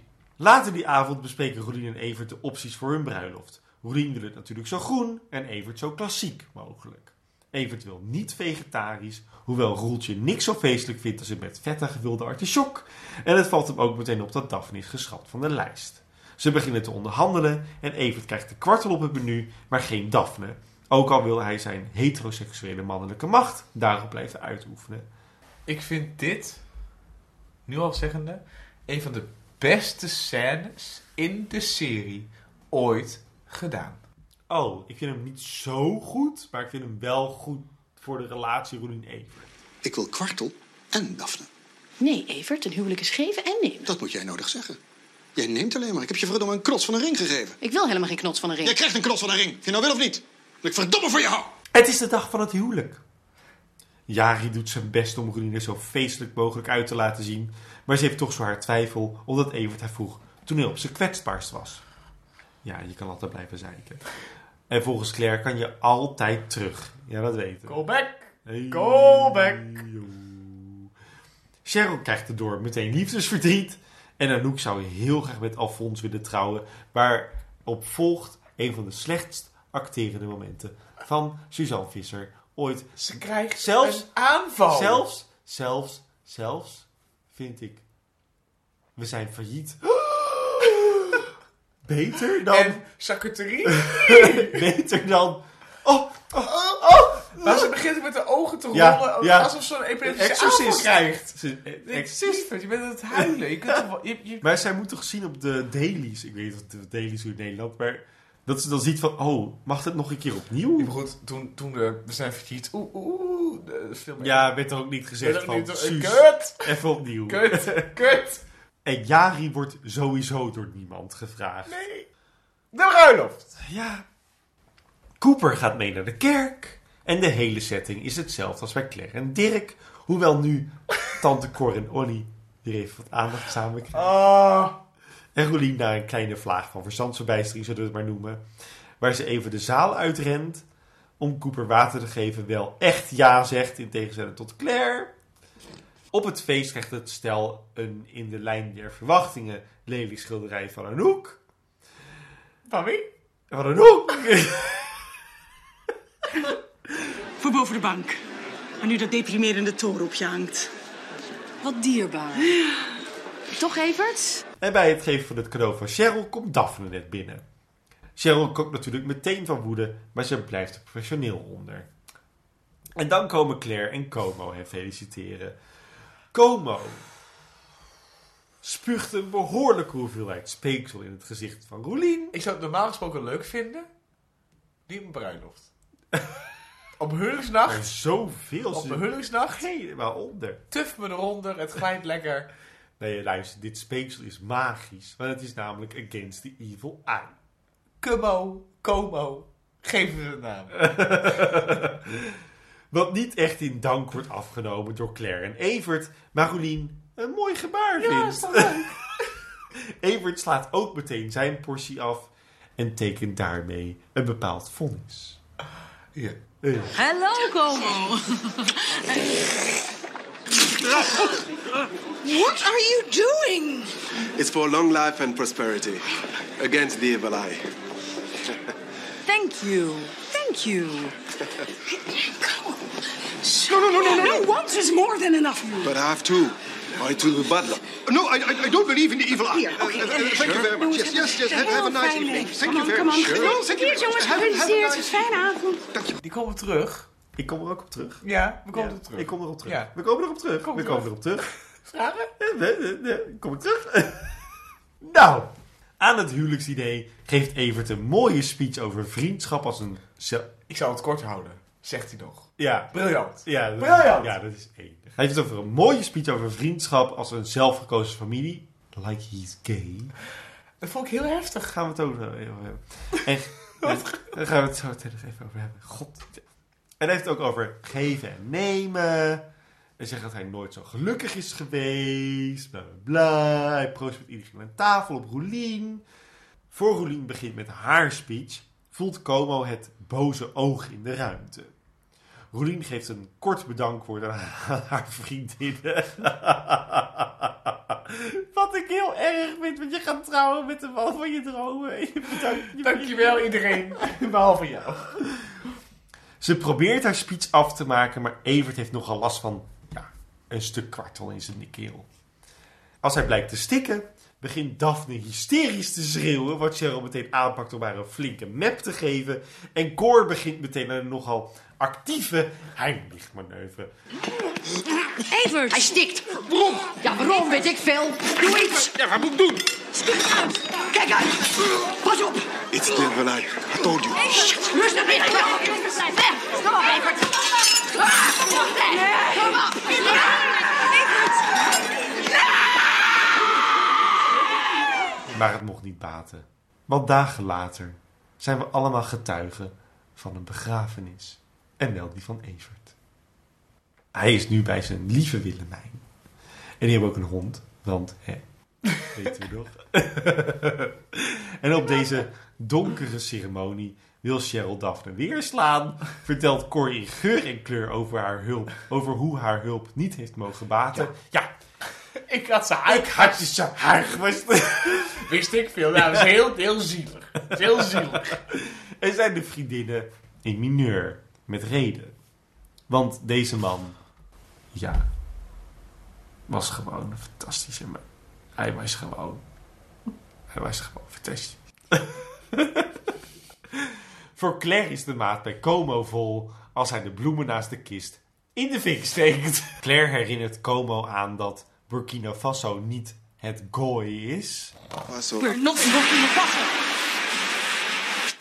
We're in het kooi. en stuurt hem weg. Hier heb ik zo meteen nog wat interessants over te zeggen, want hier zit voor mij heel veel in. Oké, oké, oké. Cheryl ziet dat Daphne hetzelfde kettingje heeft als zij en ze vliegt weer op de vriendin van Martin af. En dan pakt ze een soort van haarstuk en is het één grote ellende. Hey. Oh, dat deed pijn. Laat me niet lachen. Rustig, Cheryl, rustig. Het is een crematie, weet je wel. Zo respect voor de doden. Ja. Ordinair. Ik zal je eens laten zien wat pijn. Oh. Later thuis neemt Como afscheid van Claire. Het werkt gewoon niet op deze manier. En houden van elkaar is soms niet genoeg. En daardoor is het tijd voor een Darkest Moment montage. Ja! Yay! Yay! Het is einde acte 2, dus Ja, ja. precies. Anouk wil op haar bed. De bank. Alfons weer bellen. Maar, ja, hij zit er toch weer in. Anouk wil Alfons weer bellen, maar besluit het niet te doen. Huilt Cheryl bij het kijken van haar huwelijksvideo, wat een callback, Callback is. is. En strompelt Martin zijn nieuwe stulpje in op zoek naar een poppenpilsje, maar treft vooral selderij aan. In de ken, je, ken je die Sesamstraat filmpjes nog van selderij? Het kraakt. En dan gaan ze selderij kraken in Sesamstraat. Oh, nou, dat is een hele specifieke jeugdherinnering. Als jullie dit ook hebben, luisteraars. Likes. Rossi. en daarmee wil ik ook graag zeggen... Einde. Acte. Het. Eh, acte 2 eh, is een beetje als wijnproeven. Namelijk dat het einde van de aflevering wijnproeven eh, het enige is waar we over konden praten. Ja. Eh, in acte 2 is het einde van de acte eigenlijk het enige wat van belang is en interessant is om dieper op in te gaan. Laten we gewoon maar zeggen, Evert gaat nu dus Dood. dood. Hartstikke mors, tering dood. Ja. En eh, ik moet jou wel zeggen, Jeroen, dat de eerste keer dat ik het zag, ik wist dat hij dood ging. Ik wist niet hoe. Ik wist dat hij dood ging. Hij gaat dus dood doordat hij een kwartel eet en dat hij dan stikt. Eh, ik keek het dus terug vandaag.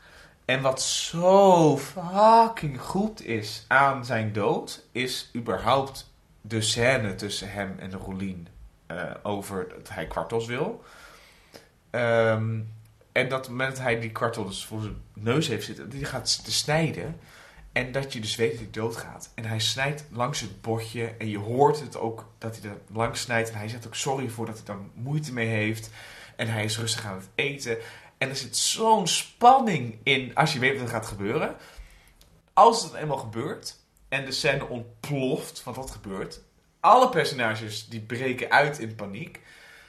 Ehm, dat is zo'n fijn effect.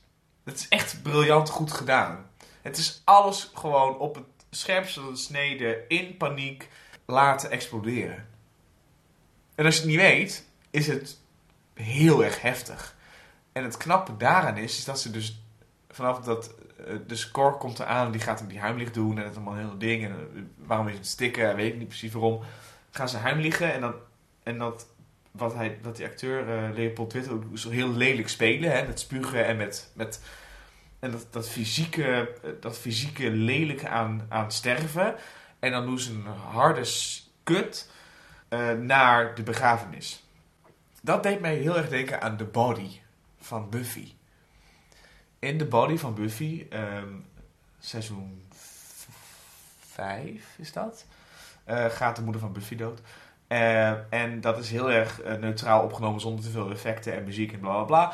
En dan snijden ze terug naar een soort van herinnering waar er mooie momentjes zijn. En dan in de hectiek van, de, van het diner valt er een bord. En op het moment dat het bord valt, snijden ze direct terug naar het lijk. En dat effectje heb ik altijd eh, onthouden als een heel effectief middel van montage. En dat doen zij nu ook. Heel erg goed gedaan. Effectief gebruik van de dingen die er zijn is in deze eindscène heel goed gedaan. Het is heel spannend, het is heel erg lelijk, het is heel erg treurig, het is heel erg wrang. En als je terugkijkt met de Evil Eye van Como, kun je denken, ja oké, is het dan, weet je wel, is het toeval of niet, bla bla bla. Maar goede scène. Ik heb de dood van Evert na Mufasa staan. Oh. Ik vind het denk ik de allerbeste dood op film ooit. Oh, wauw. Ik vind hem zo sterk. Ik weet niet waarom, maar het komt gewoon omdat je naar een comedy gaat. Ik kan me namelijk gewoon het moment herinneren dat ik in de bioscoop zat en dat moment meemaakte. En dat ga ik nooit meer Hoe vergeten. was het in de bioscoop dan? Ik keek in de bioscoop. Wij gingen niets vermoedelijk. Jij en vrouwen twee. En mijn zus denk ik of zo. Ik weet het niet meer. En eh, oh, we dachten, oké, het is gewoon leuk. Gooise vrouw 2, la la gezellig, la. En Evert stikt. En dat is gewoon, op de een of andere manier is die, is die scène, zonder dat je weet dat Evert doodgaat, heel erg grappig. De komedie in deze scène is briljant. Daphne die begint te schreeuwen. Cheryl die er een pak slaag geeft. Daarvoor, die hele opbouw daarvoor van... Niemand gaat iets doen, blijft allemaal rustig. Er zit ook spanning Ja, in er de scène. heel veel Ja. spanning in die scène. Ook omdat het soort van... Er zit geen muziek onder, hè? Heb je dat Nee, eens gemerkt? ja, er zit geen muziek onder deze scène. Nul. Geen, geen, geen, geen harpje Wat in de nergens. body van Buffy ook zo is. Briljant gedaan. En dan komt Cor en die handelt uit haar personage op een soort hele lieve manier. Maar dat is gewoon heel erg grappig. Hilarisch. En dan denk je, het is Gooise vrouw. Het zal wel goed komen met Evert. Ook omdat je het daarvoor hebt gezien. Dus je, Met die golfbal. met die golfbal. Dus je denkt, ja, Het zal wel weer... het zal nog een keer gebeuren en dan is hij ineens zwanger of zo, weet jij veel. Maar in plaats daarvan, harde kut in die scène op het heetst van de strijd. Het is niet gelukt. Bam! Hij is dood. Kist. We zijn, we zijn bij de bega... Ja, precies. Alles overgeslagen, bam, kist. Gewoon anderhalve week later, bam, kist. Hij is dood. Geen twijfel over mogelijk. En ik weet gewoon dat er van de zaal, van een soort van lach naar deze ging. Oh! Dat hoorde je door die zaal. Gewoon die, die soort van, oh my god. Hoe durven, ze durven dit te doen. Nee, maar dit, het is gewoon, ik heb dit heel erg hard gelachen. En het is gewoon erg. Wat het, de kracht van comedy is... Dat is de kracht van comedy. heel goed. En nu komt er dus zowel een zwakte moment als een sterk moment. The Evil Eye. Ja. Ik vind het boze oog echt heel kut. Ja. Dat had er van mij niet. Want het moment, als je, als je eh, een, een doorgewinterde filmkijker bent. Het moment dat Como Roelien tuft en zegt Evil Eye. En dan En vervolgens niet even. Dan weet je hoe laat het is. Ja. Voor mij was dat, als dat er nou niet in had gezeten, dan was het zoveel sterker geweest. Ja. Maar je hebt ergens de toon van Como nodig in de scène om het een symfonie te krijgen. Om het tegenkleur te geven. En dan om het eh, af te maken met die bloemen. Maar dat hele geheel, ge- gedeelte had eruit gekund, had iets anders kunnen zijn. Dat had beter gekund. Dan nog een tegenargument. Het passende stijl van Gooise Vrouwen, de Zeehan Zwarte Magie. Ik heb moeite met The Evil Eye, omdat het namelijk eh, zowel zegt... eh, eh, het, het geeft zichzelf een vrijbrief om het inboorlinge gehalte van Como te, be- eh, te bevestigen. Hmm. Wat, ik van, wat ik lastig aan Como... Ik vind Como geen personage, ik vind hem een effectje. Ja. En het evil eye, spugen en de dingen in de brand steken... is hetzelfde als met de, het huis van Claire en de het vegetarische van Claire. Ehm dat had je van tevoren kunnen bespreken. Als Claire hem meeneemt als eh, eh, niet-westerse eh, persoon, dit is hoe begrafenissen gaan, dan was dit nooit gebeurd. Dus nu voelt het als Como zijn intuïtie of zijn bijna spiritistisch. Precies. Het is, Ze dat- zetten hem- en- Ze zetten hem in als een primitieve. Ik draag alleen maar lappen en ik spuug op mensen en dat doen ze. Wat ik heel lelijk vind. Alleen ze weten het in te dekken door te zeggen: ja, maar hadden ze maar geluisterd. En het is geen toeval. En dat vind ik er moeilijk aan. Want als je het weggelaten had, als Como er niet bij was geweest. En Evert zegt letterlijk: Ik ben nog nooit zo gelukkig geweest. Wij weten één ding. Als, Als een personage zegt dat ze gelukkig zijn. dat hebben we met Cheryl ook gehad toen zij dat Claire tegenkwamen met die flessen op, het- op de markt. Dan weet je, shit is hitting the fan. Ja. Had dat gedaan. Had gewoon de perfecte bruiloft gedaan naar het loze momentje met de puppy en de Had ik eruit gehaald. Als het, al Lelijke callback. Ja, lelijk, walgelijk. Maar had, en had al gezegd, ik ben zo gelukkig. En dan, met terugwerkende kracht, ik heb altijd al gezien dat de eh, kwartel de dood van Evert zou zijn. Had Ja, ik veel sterker precies. gevonden dan het insinueren dat er magie aan te Ja. pas komt. Ja. ja, wat natuurlijk wel past in, in maar goed, het, ook weer niet en het had eruit moeten. Oké, luister. Ja. Como draagt dus van het moment dat hij binnenkomt tot het moment van het huwelijk Afrikaanse klederdracht. Net als Claire deed. Net als Claire deed. En- Als hij weggaat, Heeft hij een pak aan. draagt hij een pak. Ik heb er zoveel moeite mee. Ik heb hier zoveel moeite mee.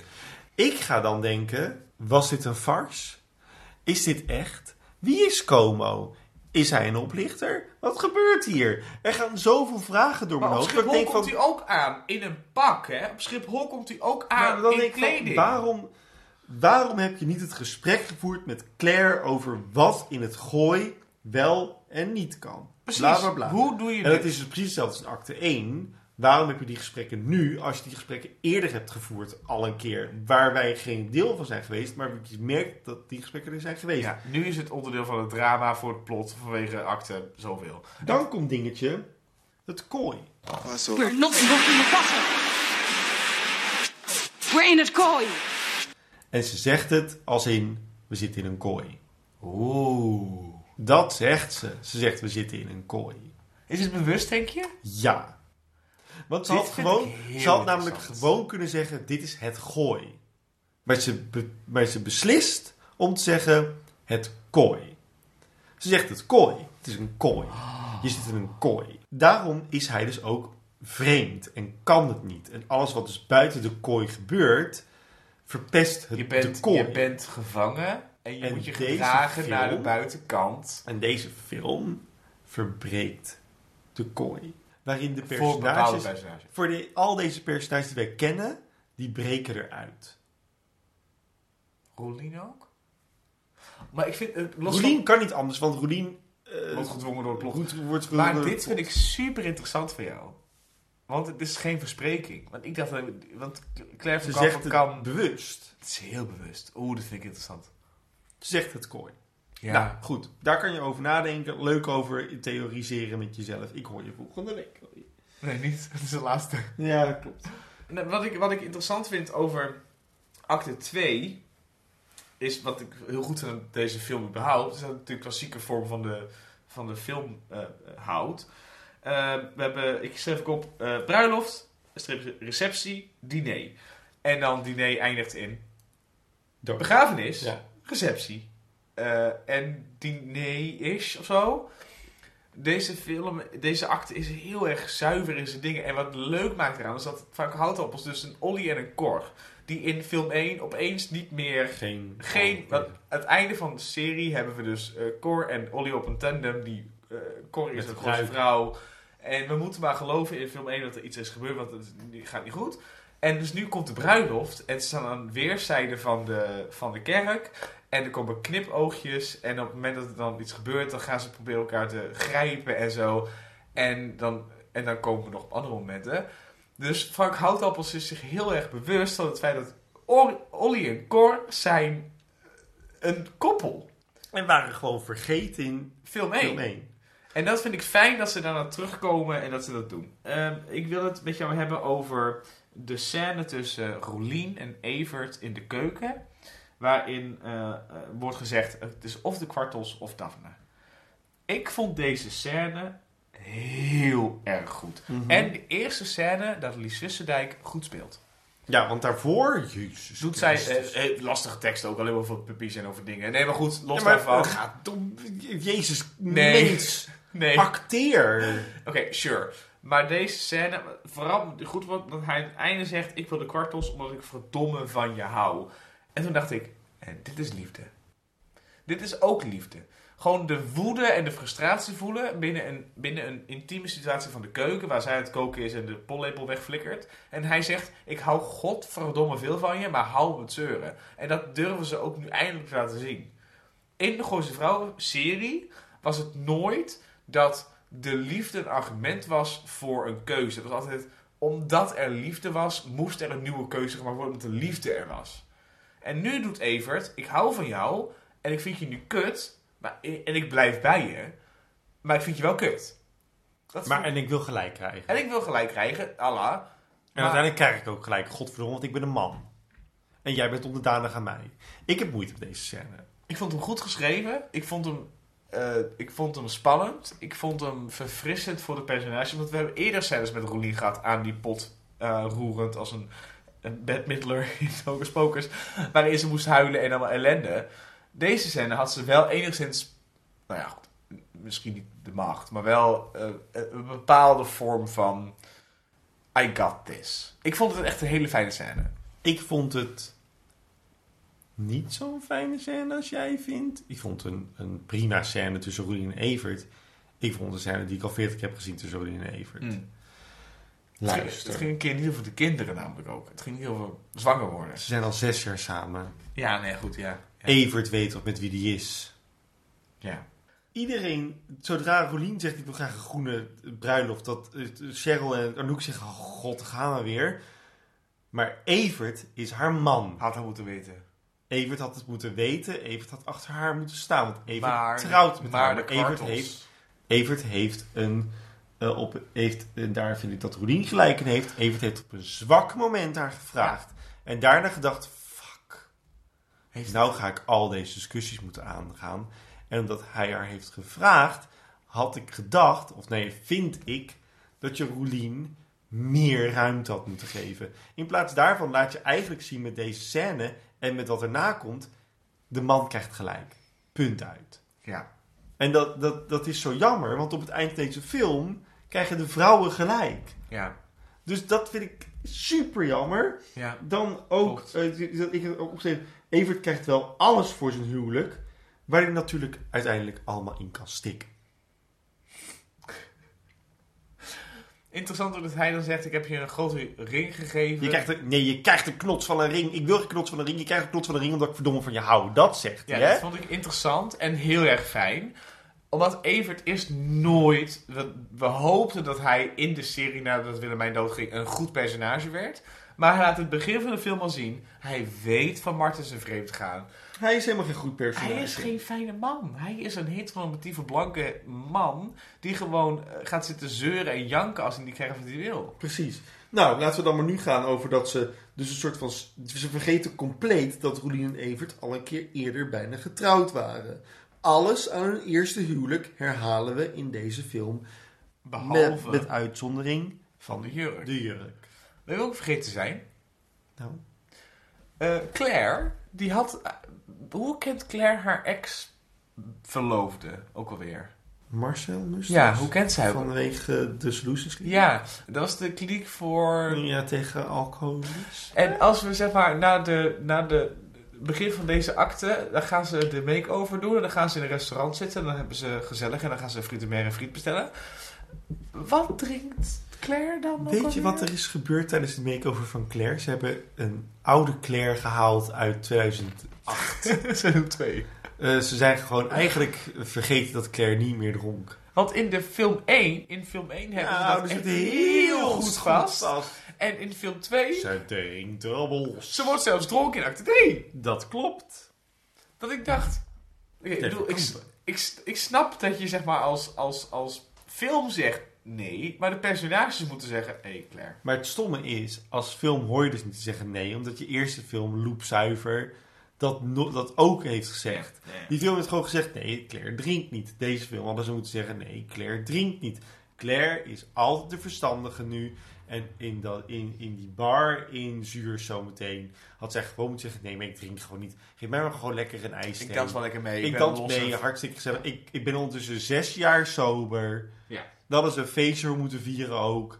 En in plaats daarvan vergeten we... Maar eh, eh, er wordt wel heel licht gerefereerd aan Claire's vorige poging om te trouwen. Als zij dan tegen Roelien zegt... Ja, maar dat is alles wat er over Claire van vorige film wordt gesproken. Klopt. Dus, Dus slaan we over. Ehm, eh, maar misschien is Claire er ondertussen achter dat eh, haar hele verslaving aangepraat was door Anouk. Ja, klopt. Eh, mag ik jou nog even eh, twee dingen zeggen over de lelijkste momenten slash scènes van de hele film? Ja. Die vallen namelijk redelijk snel langs elkaar. Ehm, allereerst hebben we de twijfel van Roelien. Eh, als ze met die puppy en dat ze dan zo niet reed. Die vind ik echt Bedoel je dat mogelijk. in, tijdens het huwelijk? Het, het huwelijks, de, de huwelijksscène dat, dat die nieuwe acteur niet Jeroen van Koningsbrugge is. De namen goed uitspreekt en zegt, wilt u een... En dat ze dan zegt, oh, even wachten. En dat ze dan die hond water geeft en daarna zo, ja, ik wil wel. Die, waar ik wel Cecile van Buren zie zitten en dat ik denk, fijn. Zat ook aan de tafel. Ehm, dat vind ik een hele lelijke. En wat ik nog erger vind, echt, echt op zijn goois erger, is als Roelien dan terugkomt rennen in de kerk. En dat er een slow Slow motion motion. scène komt. Waar ze met, met, die scène is opgenomen in niet slow motion. Dus die, de hele, de, elk shot stottert. Dat je denkt, ik zit in de bioscoop, ik heb 17 euro betaald. En dit is mijn momentje van, oh, oh, verschrikkelijk, verschrikkelijk. Ja. Wat heel lelijk is aan deze acte nog, is dat de acte eindigt met eh, Martin die dan bij Daphne thuis in die, eh, in die koelkast kijkt. En zo in een bankmontage momentje met iedereen zielig is. En dat het liedje, de tekst is, This house is an empty home. En ik denk, oh, pff. Nee, die is fridge is een empty fridge. ja, ik zit het, dit, dit, this house is empty oh, oh, oh. Oké, acte 3. Your toy balloon has sailed in the sky.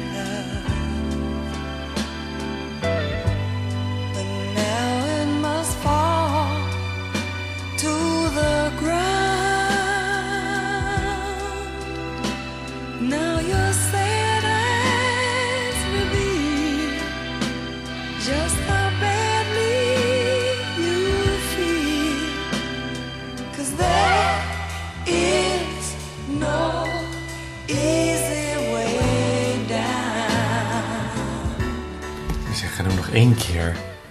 Omdat het zo lekker is. Ja. Acte 3. Of zoals Tjitske Reidinga in een NH-hotel zingt. Chacrefroid. Chacrefroid. Frans. Evert wil graag uitgestrooid worden op het Arlberggebergte bij Zoers, te Oostenrijk, waar hij mooie kerstdagen heeft gevierd met Willemijn en de kids. Roelien wil graag aan zijn wens gehoor geven en de vriendinnen gaan met haar mee naar Oostenrijk. En deze film laat daar geen gras over groeien. De vriendinnen stappen meteen in een Transavia vliegtuig en voor je het weet zijn ze in het winterwonderland. En dat terwijl Martin met zijn graadmagere modelletje Daphne in een restaurant zit en hij zich klemvreet aan de hamburgers. En Daphne vindt er natuurlijk van alles van. Natuurlijk vet, hè? Het is tijd voor een enige kledingmontage. Want terwijl de Gooise vrouwen natuurlijk in Oostenrijk zijn voor Evert, kunnen ze ook prima even een beetje skiën. Ze showen aan Roelien allerhande skipakken, maar zelf heeft ze weinig interesse. Alle kleding gaat natuurlijk op rekening van Martin, die zijn kaart nog niet heeft geblokkeerd, wat volgens Roelien misschien duidt op dat hij een lijntje wil openhouden. Martins creditcard in Nederland wordt ondertussen wel geweigerd en Daphne weigert hem te helpen. In een restaurant in Tours zitten de meiden lekker aan de kaasfondue en is Cheryl met wat skileraar aan het aanpappen en neemt Anouk Cheryl's telefoon op. Hi Martin. ik ben Nee, Cheryl. eh, met Anouk. Ja. Ja, ik luister Martin, maar... Nee, dat kan nu even niet. Nee. Want Cheryl is even bezig. Jongens, mag ik even voorstellen? Dit is Oef met Oef. Dag Martin. Hi, Oef. Hi, Oef. De volgende dag zijn de vriendinnen lekker aan het skiën en is Martin Aan het hard wat? aan het skiën. Skiën? Ja, skiën. Wat is skiën? Ski, maar dan met CH. Oh. En is Martin hard aan het werk om zijn jonge vriendin bij te kunnen houden. Maar zijn leeftijd heeft hem ingehaald. Ja. Martin gaat zijn gevoel bij de enige persoon neerleggen die nog over is naast Tante Cor in zijn leven, Ed Rossi. Hij heeft het gevoel dat hij uit drie personages bestaat. Zichzelf, lang levende lol en een onderdanige, ouder wordende versie van hem die niet past in zijn oude vertrouwde leventje, om niet te spreken over zijn kale kleine vriend. En hij mist Cheryl. Hij zit zelfs bijna tegen. Ik haal. Terug in Oostenrijk proberen Anouk, Claire en Cheryl Roelien een beetje op te vrolijken, die overal de urn mee naartoe neemt om Evert te betrekken. Ze willen hem uitstrooien, maar het gebied waarin Evert wil uitgestrooid worden, blijkt dit deel van het jaar te zijn afgesloten. Anouk probeert Roelien daarna mee te krijgen naar een Gooise borrel, heel toevallig dat dat in Tours aan de hand is, maar Roelien slaat het af. Nou ja, de vriendinnen gaan natuurlijk ook niet zonder Roelien. Grapje, ze gaan natuurlijk wel zonder Roelien. Ze wachten tot ze slaapt en dan pakken ze hun kans. Maar Roelien slaapt natuurlijk helemaal niet. In Nederland zit Martin aan de bar in een club te kijken naar Daphne, maar hij heeft er weinig zin in om mee te dansen. Aan de bar in een andere club, namelijk die in Soers, staat Anouk met een man te dansen en krijgt Cheryl een drankje aangeboden door Oelf. Waarna een zoenpartij volgt. En tja, zelfs onze oude vertrouwde Claire zit aan de alcohol. Alles kan kapot. In de Nederlandse club staat Daphne te dansen met Juvat Westerdorp, die ik heerlijk vind. Ja. Totdat je Fuck de Liefde hebt gezien. Ja. En loopt Martin Jari Nou, tegen ja, het lijf. goed. Nou, oh, oh, oh, oh, ja, oh, daar oh. is hij ook wel leuk. Maar met die pruik op. Ik bedoel, eh, mij niet bellen. En loopt Martin Jari tegen het lijf. Martin is er helemaal klaar mee en wil Daphne mee naar huis nemen. Maar krijgt het aan de stok met Juvat. Ik zou het zo graag aan de stok willen Oh. krijgen met Juvat. Ah, dat is toch voor Juvat? Nou, Jari neemt hem mee naar de taxi en naar huis. Een beetje misselijk. als hij moet kortsen, zet ik hem eruit, hoor. Weet jij wat wie dit is? Ja, dat is Martin Morero. Ik heb al zijn platen. Maar als hij moet kortsen, zet ik hem eruit. Raar normaal, bijgoochem. Roelien zit met Everts urn op schoot in bed en na een kort moment van het is goed zo, komt ze de Oostenrijkse bar in. Ze kijkt de vriendinnen na Oh, schatje, sorry. Wij, wij dachten, je, je slaapt, dus... Ah joh, kan schelen. Als we het maar fijn hebben, toch? Ober, snaps voor allen! Ik moest hiervan huilen. Ja, dat snap ik wel. Het is heerlijk. Vooral omdat ze daarna heerlijk op Donna Summer gaan dansen. Tante Cor staat met veel moeite een opklapbed uit elkaar te klappen in het huis van haar en Olly. Vragen? Nee, dat is de, het kaststel staat op de kast. Het is het huis van Cor, denk ik. Oh, het- of het is hun huis. Ja, maar dat kan niet zo snel. Het is een best wel groot huis. En ze hebben zes jaar gehad. Cor geeft Martin een behoorlijke veeg uit de pan. Omdat Cheryl ja, toch wel de hoofdprijs is. En Jari zegt dat hij haar nu niet meer zo gemakkelijk terug gaat krijgen. Martin vraagt wat Cheryl's lievelingskleur ook weer was. Wat natuurlijk roze was. In Oostenrijk zijn de vriendinnen ondertussen laveloos. En staat Cheryl met Oef en een vriend op een kaart te kijken van het gebied. De ochtend erna zitten Claire, Anouk en Roelien enorm brak in het ontbijt en vragen zich af waar Cheryl blijft. Maar Cheryl heeft de hele nacht liggen skiën met Oef en heeft een programma in petto voor Roelien. En dat programma is dat Roelien met Wolfgang, mag ik Wolfzaken? Gaat para-survival diven flyen. Ik weet, niet wat ze, ik weet niet hoe dat heet. Wat doet zij? Paraglide. Paragliden. Nee, ik heb de Pa- Wat zei je nou? para-survival diven flyen. Om het aus te strelen. om Evert Aus te stroeselen boven het gebied dat hij zo graag wilde. Ze is helemaal in de wolken en ze stroezelt hem aus. Doch, Wolf? Durf ich äh, Wolf sagen? Natuurlijk. Ja. Du bringst äh, Rulin mit dem Flieger nach der Platz, wo Evert äh, ausgestruselt will ze worden, toch? Genau. Roelien bedankt de vriendinnen en ze gaan daarna met rassenschreden terug naar Nederland. In de auto terug zijn ze allemaal stil. Claire mist het gevoel voor Como, maar niet Como zelf. Anouk voelt zich sowieso leeg. Ze heeft natuurlijk een beetje een lege maag. Ja. Er moet even Ja, appelgemakje. ja, dat ik dacht een braadworst. Aan alle kanten. Ja. Maar Cheryl probeert de dames moed in te spreken. Als zij het kan zonder Martin, kunnen zij het ook. En dan worden ze aangehouden door een politieagent die sprekend op Tiro Gerdald lijkt, maar niet Tiro Gerdald blijkt te zijn. Goddank. ja, goddank. Hij vraagt om Cheryl's rijbewijs en zegt dat ze niet meer mag rijden. En dan komt er een grote roze limousine aangereden. En worden de vriendinnen naar Villa Morero gereden. Dat helemaal in het roze is gestoken met, ik denk, roze jersey aan de bomen. Want, callback. Is de zijde jersey uit Vietnam. En weet je wat het grappige is? Mijn jurk is ook van zijde jersey. Ik ben gek op zijde jersey. Ja, mooi. Ja, vind je het mooi? Ja, fijn. Dank je. En daar staat Martin, in roze pak, You to me are everything te zingen, met een groot koor en tante Cor. Er zijn eigenlijk twee koren. Een Cor en tante Cor. Martin gaat daardoor op zijn knieën voor Cheryl en vraagt om, ge om gevissenis. en vraagt, dit is heel lang. En vraagt om vergiffenis. Maar ditmaal gaat de vlieger niet meer op. Ik hou ook heel veel van jou. Jij bent eh, mijn grote liefde, Martin. Maar- Maar ik heb maar één hart. En daar heb je gewoon net iets te vaak op getrapt. En het, het, het veerde steeds weer terug, maar nou niet meer. Oh, ik was er al bang voor. Ik was altijd heel erg bang om alleen te zijn, maar dat, dat was ik eigenlijk nooit. Want ik heb mijn vriendinnen. En die hebben me geleerd dat je elke angst kan overwinnen. Dus het komt niet meer goed? Martin en zijn hele entourage taaien af met een geëmotioneerde Cor. Terug in de toekomst zegt de rechter dat ze genoeg heeft gehoord.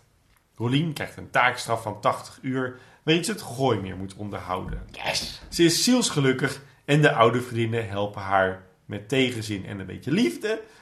Dan gaat Cheryl richting de bron, waar een oude, seniele, verwarde Martin Morero in een ruime kamer op haar zat te wachten. Hij heeft een ongelukje gehad, maar moet door. Hij moet handtekeningen zetten voor fans en zich klaarmaken voor zijn laatste concert dat hij zo graag wilde geven. Nick en Simon komen speciaal voor hem terug bij elkaar en Remy zal gaan drummen. Later die avond staat het verouderde duo Dick en Simon bla bla, te zingen, terwijl de hele kast in hun bejaarde versies, inclusief een stokoude tante Cor, die eigenlijk niet meer had moeten leven, maar ze is er gewoon nog voor de lol, naar hen luistert. En dan is het tijd om Martin zijn moment te shinen te geven. Hij weet even niet meer hoe het allemaal werkt, tot de muziek begint en hij heel veel stimulans krijgt van Cheryl aan de andere kant. Ga maar zingen, Martin. En hij zijn laatste hit, Gisteren was ik nog jong, tegen horen brengt. De volgende dag wordt Cor even in een hoek gezet om te kunnen paffen in de riante achtertuin van het landhuis en proosten de vriendinnen en Martin op hun eeuwigdurende vriendschap. Ja, ik moet het helaas erbij zeggen, want helaas, ik zou heel nu graag willen zeggen credits, maar als klein eindgrapje komt Cor zuurstoftank in aanraking met haar sigaretje en kijken de vriendinnen en Martin toe wanneer hun geliefde tante de lucht in vliegt. Credits. Gewoon invallen. Gisteren was ik nog jong. Komt die schat nu. Nu moet je invallen. Was ik nog jong, het leven zoet, honing op mijn tong. Ik leefde over nooit, een nieuwe morgen kwam en zorgde elke nacht weer voor een nieuwe vlam. Droomde mijn eigen droom, had plannen bij de vleeg, dacht niet aan de gevolgen. Wist amper wat ik deed, wanneer ik iets verlangde. Acte 3. Zorgde ik Acte dat 3. ik Acte het 3. Acte 3. Zeg het eens. Oké, ik wil een paar dingen met je hebben. Dit is een van de allerbeste actes Ooit. uit de geschiedenis van Gooise Vrouwen aller tijden. Ooit, ooit, ooit, ooit. En terwijl hij is snel. Het is een heel kort. hele snelle Heel kort. acte. En er gebeurt heel veel. En ook Heel weinig. n- net genoeg. Ja. Eh, en ook te veel. Maar goed, oké. Dus laten we beginnen bij de vakantiescènes. Ja. Want volgens mij, de filmposter was ook eh, zij, eh, skiënd op een berg. Waarbij de vorige film voor mij hun vakantieuitje voelde als een trucje. Kwam die deze keer beter tot zijn recht. Ja, ze doen eigenlijk hetzelfde, maar beter. Hij, Frank Houtappels heeft heel erg geleerd van die eerste film. Want eigenlijk doet hij die eerste film opnieuw. Eh, Met betere personages. met dezelfde personages, maar hij weet gewoon wat hij aan het doen is nu. Hij weet gewoon wat voor soort verhaal hij wil vertellen. Het enige wat je aan eh, Frank had hoeven zeggen in film 1 is: Evert gaat dood. Ja. Of een ander personage. Ja, of of- laat iemand doodgaan. Of de relatie gaat uit. Er gaat iemand dood. Er doorbreekt een ritueel dat voor eeuwig niet meer gefixt kan worden. Klaar, punt, uit. Maar film 1 was, zoals we hebben gezegd in de podcast ook, te veel een serie-aflevering. Ja, en daarin nog steeds meer een opzet voor een nieuw seizoen. Ja, precies. Dat is dat van, oh, dit hebben we nog liggen op de plank. Ja, en dat is, precies. eh, ehm, wat mij betreft, het niet per se te hebben over het hele skiën en dat is het bullshit en het hele... Nee, Ehm, skiën. Luister, we we weten ondertussen allemaal, of tenminste, en dan zeg ik nu. eh, voor alle ski-scènes zijn stand-ins gebruikt. Zij skiën niet zelf. Ik vind die Wat scène. Ja, ik vind de scène dat Rolien paraglide te lang duren en te nep. Ja. Eh, want ook al is de dood van Evert een belangrijk incident in deze film, het is niet waar de film over draait. En ze geven Rolien, denk ik wel, 2,5 minuten in de lucht. Te veel. Terwijl ze alleen maar zegt: ik vlieg, ik vlieg, ik vlieg. Neem dan gewoon ketamine. Mag ik jou nu dat vertellen wat de oplossing was? Oh ja, doe maar. Dus. Wat ik heel erg grappig zou vinden. Als jij wordt gecremeerd, dan Ja. ga je in die urne. Ja. In een zakje. Ja. Hoe leuk zou het zijn als Wim die urn open doet en dat zakje flikkert Dat zakje flikkert in zijn geheel gewoon naar beneden. Als een scheetkussen. Of een callback voor, voor Willemijn. Die, dat, weet je wel, dat Willemijn dat ging dat strooi in de bek. Dat was was een helemaal mooi, mooi moment. Met allemaal die, met, die, met die violen en zo. En dat ze dat die urn open doet. En een zakje gewoon rechtstreeks naar beneden in die fjord flikkert. Dat lijkt me zo geestig. dus probeert weg te gooien. Dat is allemaal in de gezichten komt van Cheryl en Claire. En dan doet ja, goed zo Rolien. Dat ze die urn... heeft Oh, een stukje kwartel. dat ze die urn de hele film acte 3 al lang heeft vastgehouden. En dat die wanten aangaan die ze niet opnieuw heeft gekocht, die oude wanten. En dat ze die urn laat flikkeren, weet je wel? Dat lijkt me zo geestig. Want dan is die scène ook niet de scène voor de film. Want nu is het de scène van de film. Dat ze gewoon terugkomt en zegt... Oh, ik ben helemaal vergeten. Ik vloog. Ik vloog. Veel belangrijk. Superleuk. Ik kan me wel voorstellen, in het ritme van de vorige acte moet je ook wel een moment van totale rust en bezinning hebben. Om een soort van te kunnen loslaten, letterlijk, van Evert. Maar ik, vond, ik vind het... Dat zat er voor mij al in het moment voordat zij die Gooise borrel inging. dat ze Oh dan die urn vasthoudt. En eventjes zo klein spel, maar wel afscheid neemt van Evert. Eh, eh, eh, dus we hebben de, de scène dat die Gooise borrel, bla bla bla. En dan komt Rolien dus binnen als ze de vriendin betrapt op het feit dat ze dansen. En dan zegt ze, ah joh, wat kan het schelen als we het maar fijn hebben, toch? En die, dat moment dat ze dus die urn niet mee bij zich heeft. En dat ze de vriendinnen ziet. En dat die Svissenek eindelijk goed speelt. Dat brak mijn hart. Echt. Na de dood van Eva was dit het moment dat ik dacht, oh, dit is Rolien. Ja, precies. Weet je wel, een soort van hetzelfde met die paddentrek van, joh, ik, weet je, ja, als je niet wil, wil je niet. Dus ja, die, die hele ehm, vakantieakte die in de vorige film in Frankrijk een soort van op saus sloeg, Ja. eh, kwam deze keer wel beter tot zijn recht. Maar het hoofddrama wordt constant aan ons herinnerd door de parallel het leuke leven in Zwitserland, Frankrijk, whatever. En Oostenrijk. Het, Oostenrijk. En het ellendige leven van Martin. Want, oh, wat heeft Martin het toch zwaar. Hij kan niet skiën, hij is niet hip genoeg, hij is niet eh, gezond genoeg, hij is niet bla bla bla genoeg. Alles is ellende, ellende, ellende. Wat ik niet per se storend vind, punt. En jij? Eh, nee. Maar jij vond de Rossi-scène, de eerste Rossi-scène in deze film. Enige op- Rossi-scène. De enige Rossi-scène is op 1 uur 5 van de film. De eerste film was die veel eerder. Maar er zaten ook wel meer roze scènes in, volgens mij. In de eerste film. Ja. Eh, maar jij vindt hem goed, dus eh, ga los. Nou ja, ik heb eh, voor mezelf besloten dat ik door deze film eindelijk door heb waarom Martin vreemd gaat. En waarom Martin is wie die is. Namelijk, hij heeft, het over drie, hij heeft drie personages, zegt hij. Hij heeft de ik, degene die zeg maar het poppenpilsje bla bla bla. Dan heeft hij degene die de vinger op moet steken, degene die biologisch moet vreten. En dan heeft hij nog zijn uh, kaalgeschoren eh, piemeltje. En hij weet niet meer wie die precies is. En dan zegt hij, het zelfvertrouwen is er af. Dan begint hij te stotteren en dan zegt hij, ik ben Cheryl. En toen dacht ik, oh wacht. Dus, Martin, dit is voor mij wat Martin is. Martin is een paradox. Cheryl is de enige persoon in zijn leven die hem zelfvertrouwen geeft. Dat zelfvertrouwen zorgt ervoor dat hij vreemd gaat, omdat hij namelijk in zijn ego leeft. Maar zodra hij te veel in zijn ego zit, wordt hij teleurgesteld en moet hij terug bij Cheryl komen. Maar omdat, omdat Cheryl de enige is die hem opnieuw op kan bouwen. Ja. En toen dacht ik, oh, daarom gaat Martin vreemd. En misschien kun je denken, oh, duh. Of zo, dat je denkt, ja, tuurlijk is Martin zo. Maar ik dacht ineens, oh, Martin is een levend paradox. Hij heeft Cheryl nodig om haar niet nodig te hebben, zodat hij er nodig heeft wanneer hij er nodig heeft.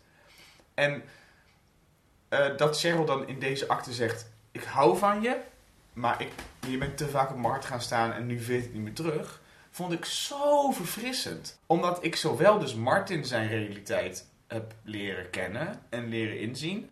Als ook een serie die vijf seizoenen lang alleen zegt, ja, maar het komt wel goed. En, eh, en nu, eh, zelfs in deze film nog alle vrienden zeggen, ja, het komt wel goed. En dat de film durft te zeggen, nee, nee.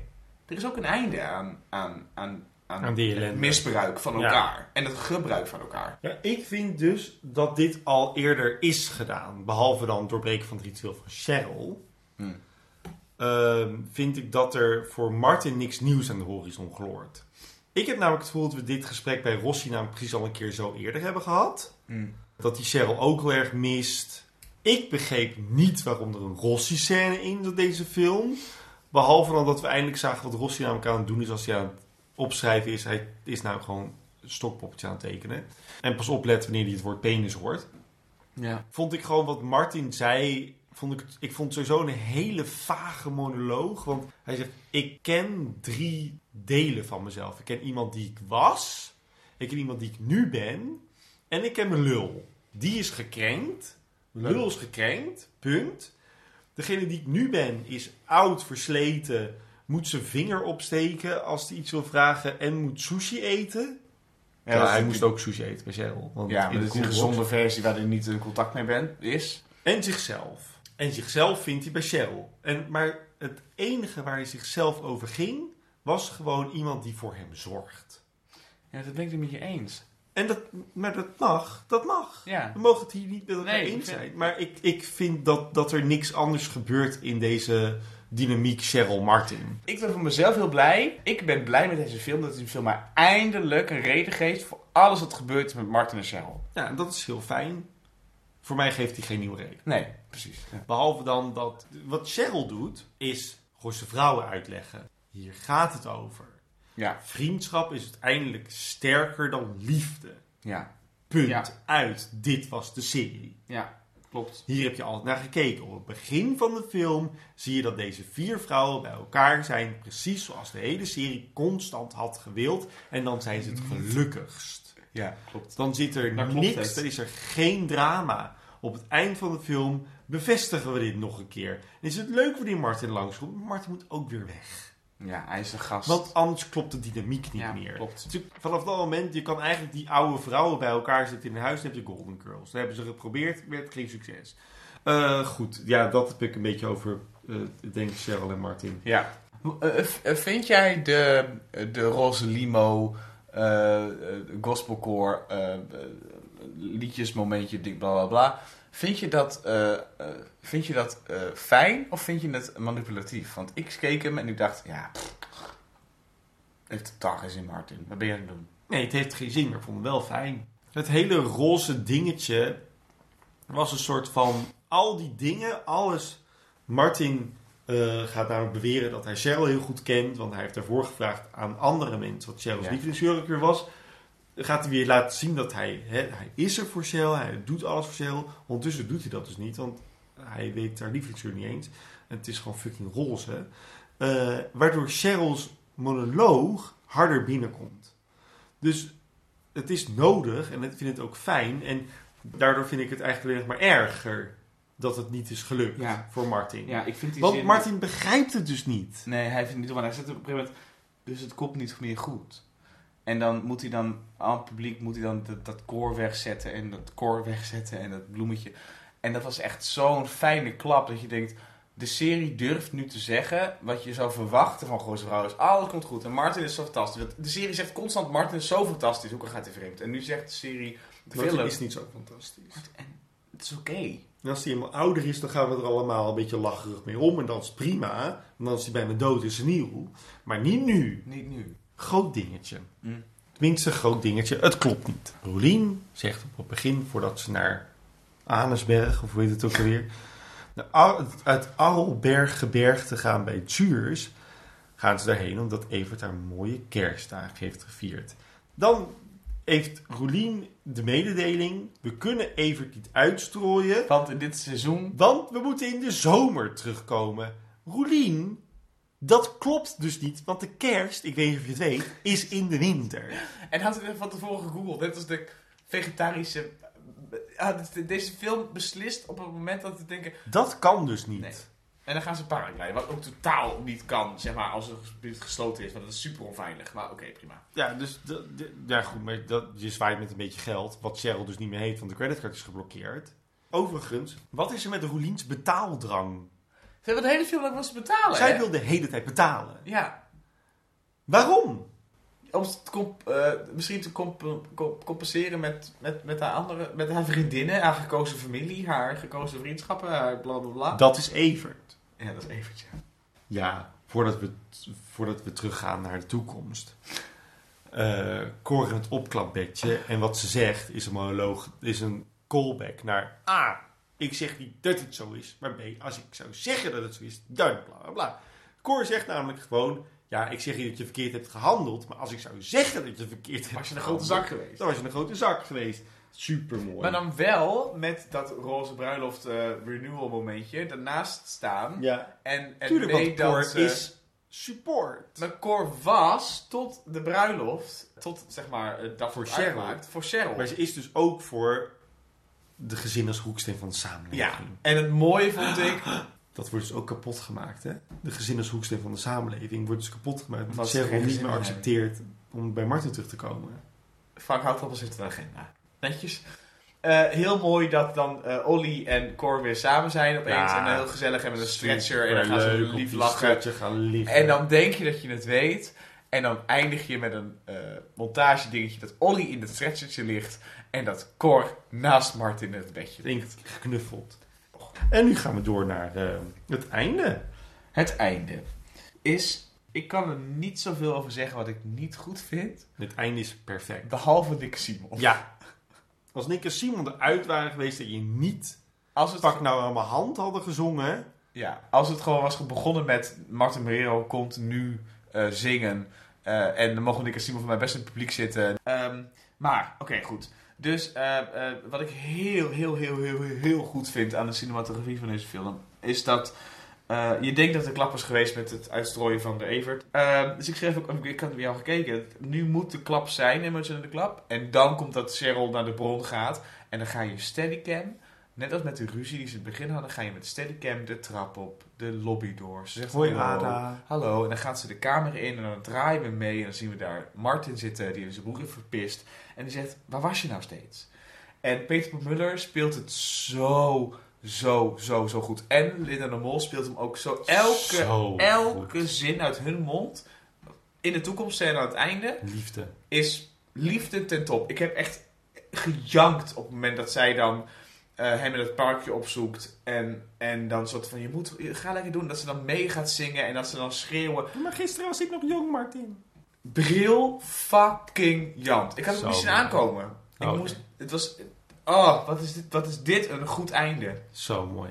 Omdat het namelijk ook gaat over liefde, wat jij zegt. En dat ze dan uiteindelijk met die picknicktafel... en dat hij zegt op vriendschap op ons... en dat Martin dan uh, seniel zegt, dat is hetzelfde. En dat ze dan klinken.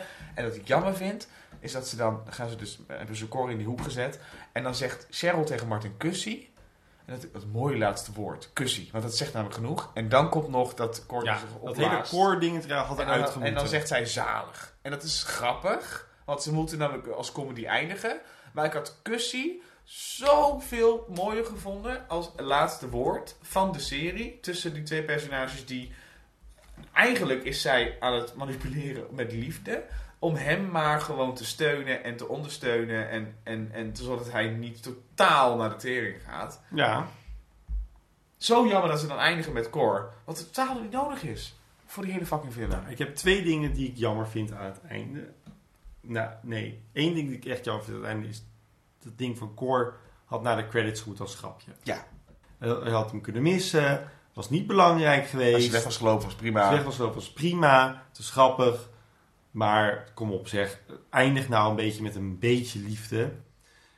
En ik heb best wel veel dingen gezien van Frank Houtappels. Gisteren was ik nog jong.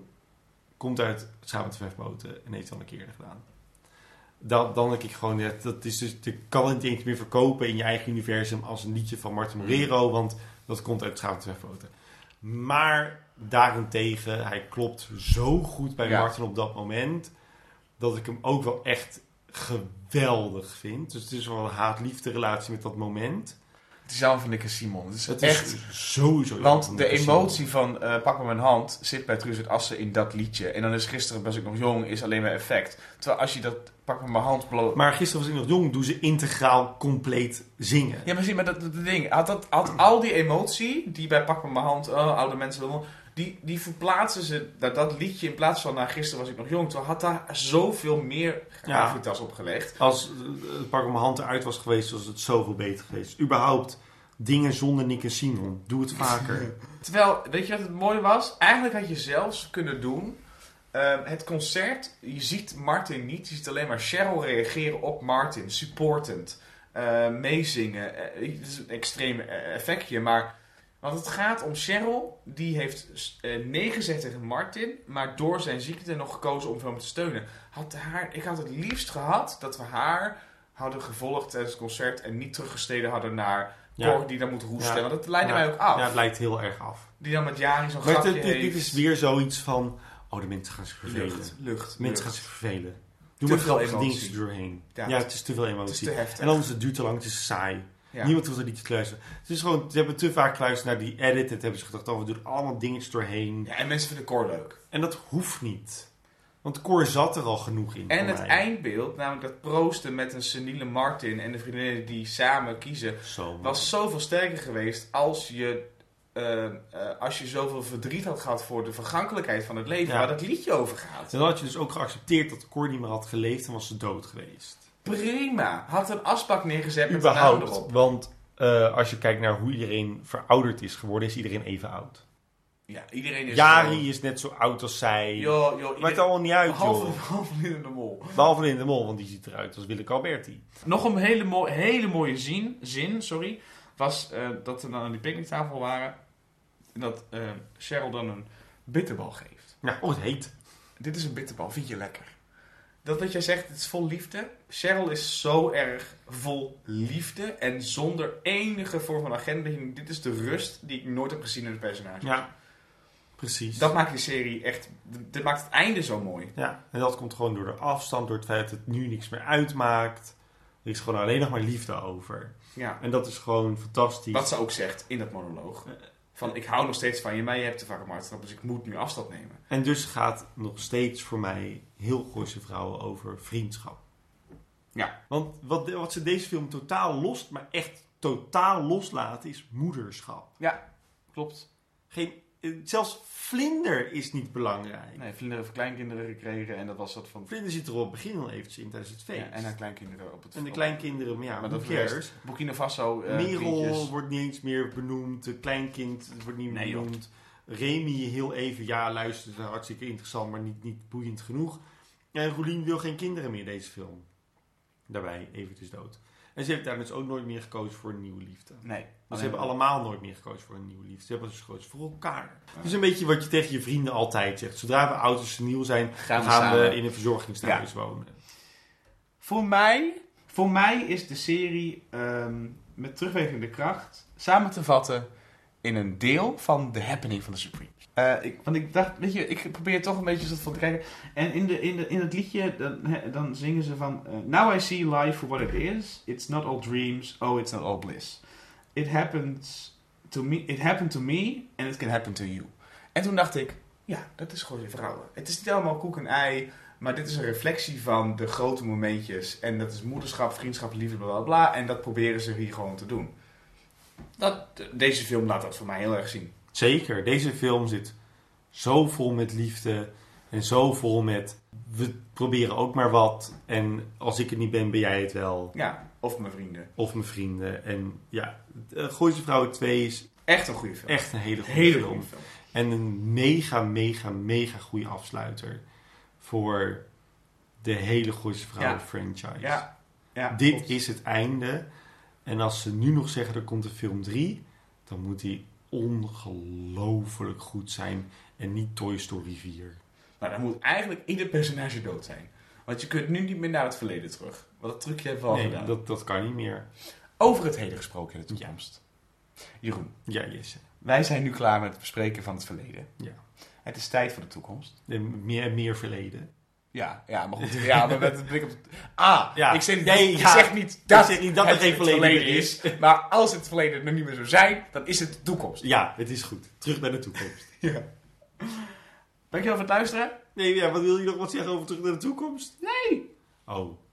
Nou, hou gewoon al onze kanalen in de gaten. En voor je het weet, zijn we weer terug. Eh, wij zijn ooit begonnen met eh, de Gooise Vrouwen podcast toen de podcasts als medium nog niet zo'n ding waren en de Vrouwen al lang geen ding meer waren. Maar, ja, wij komen terug. Dit is niet het einde. Is het eindgoed al goed? Heb jij nog vragen? Nou, ik moet heel eventjes mijn zwarte magie erbij pakken. Kijken of ik een seance kan doen. Ik ben natuurlijk ook de voorbeeldige moeder. Ik kom zeker terug. Ondertussen is mijn leven gevuld met seksleugens en clichés. Ben ik niet gedoopt? En geen piloot. Nee, en geen piloot. Want waar is Tom? Die is de Sum-Tom. En die hebben ze opgegeven. ik ben Jeroen Kallaars. En ik ben nog altijd en voor eeuwig in de vreugde Tiro Jesse de Vries. En dit was Cheryl! Cheryl. Cheryl. Een Gooise Vrouwen podcast. De Gooise Vrouwen podcast. De Gooise Vrouwen podcast. Dank jullie wel voor het luisteren. Ja, fantastisch. En dankjewel. ja, tot de tot, tot, tot in de toekomst. Tiro. Tiro! Hey life, look at me. I can see the real time.